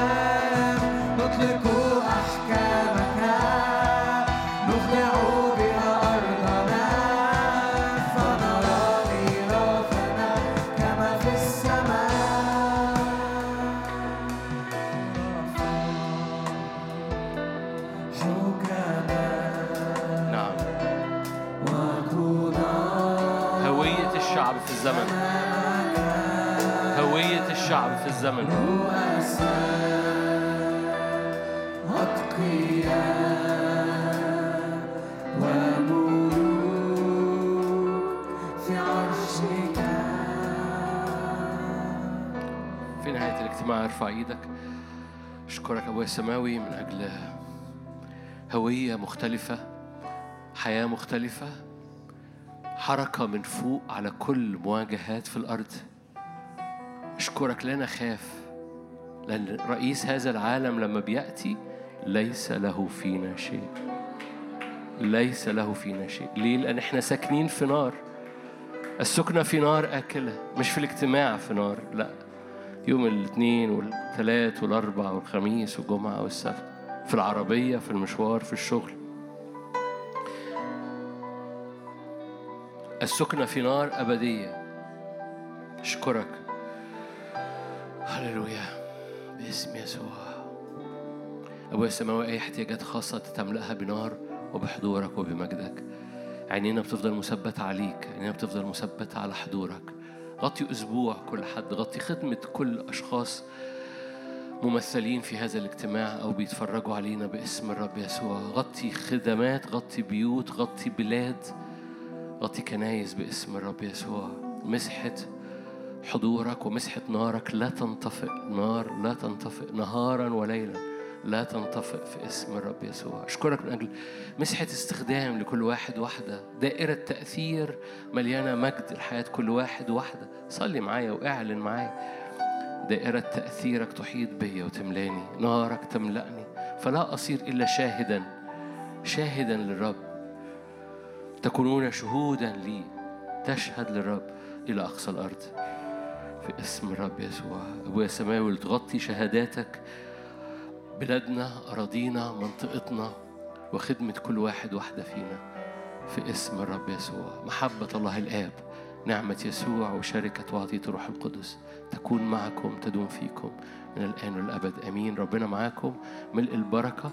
الاجتماعات عادي شغالة سبت والأربع ملء البركة.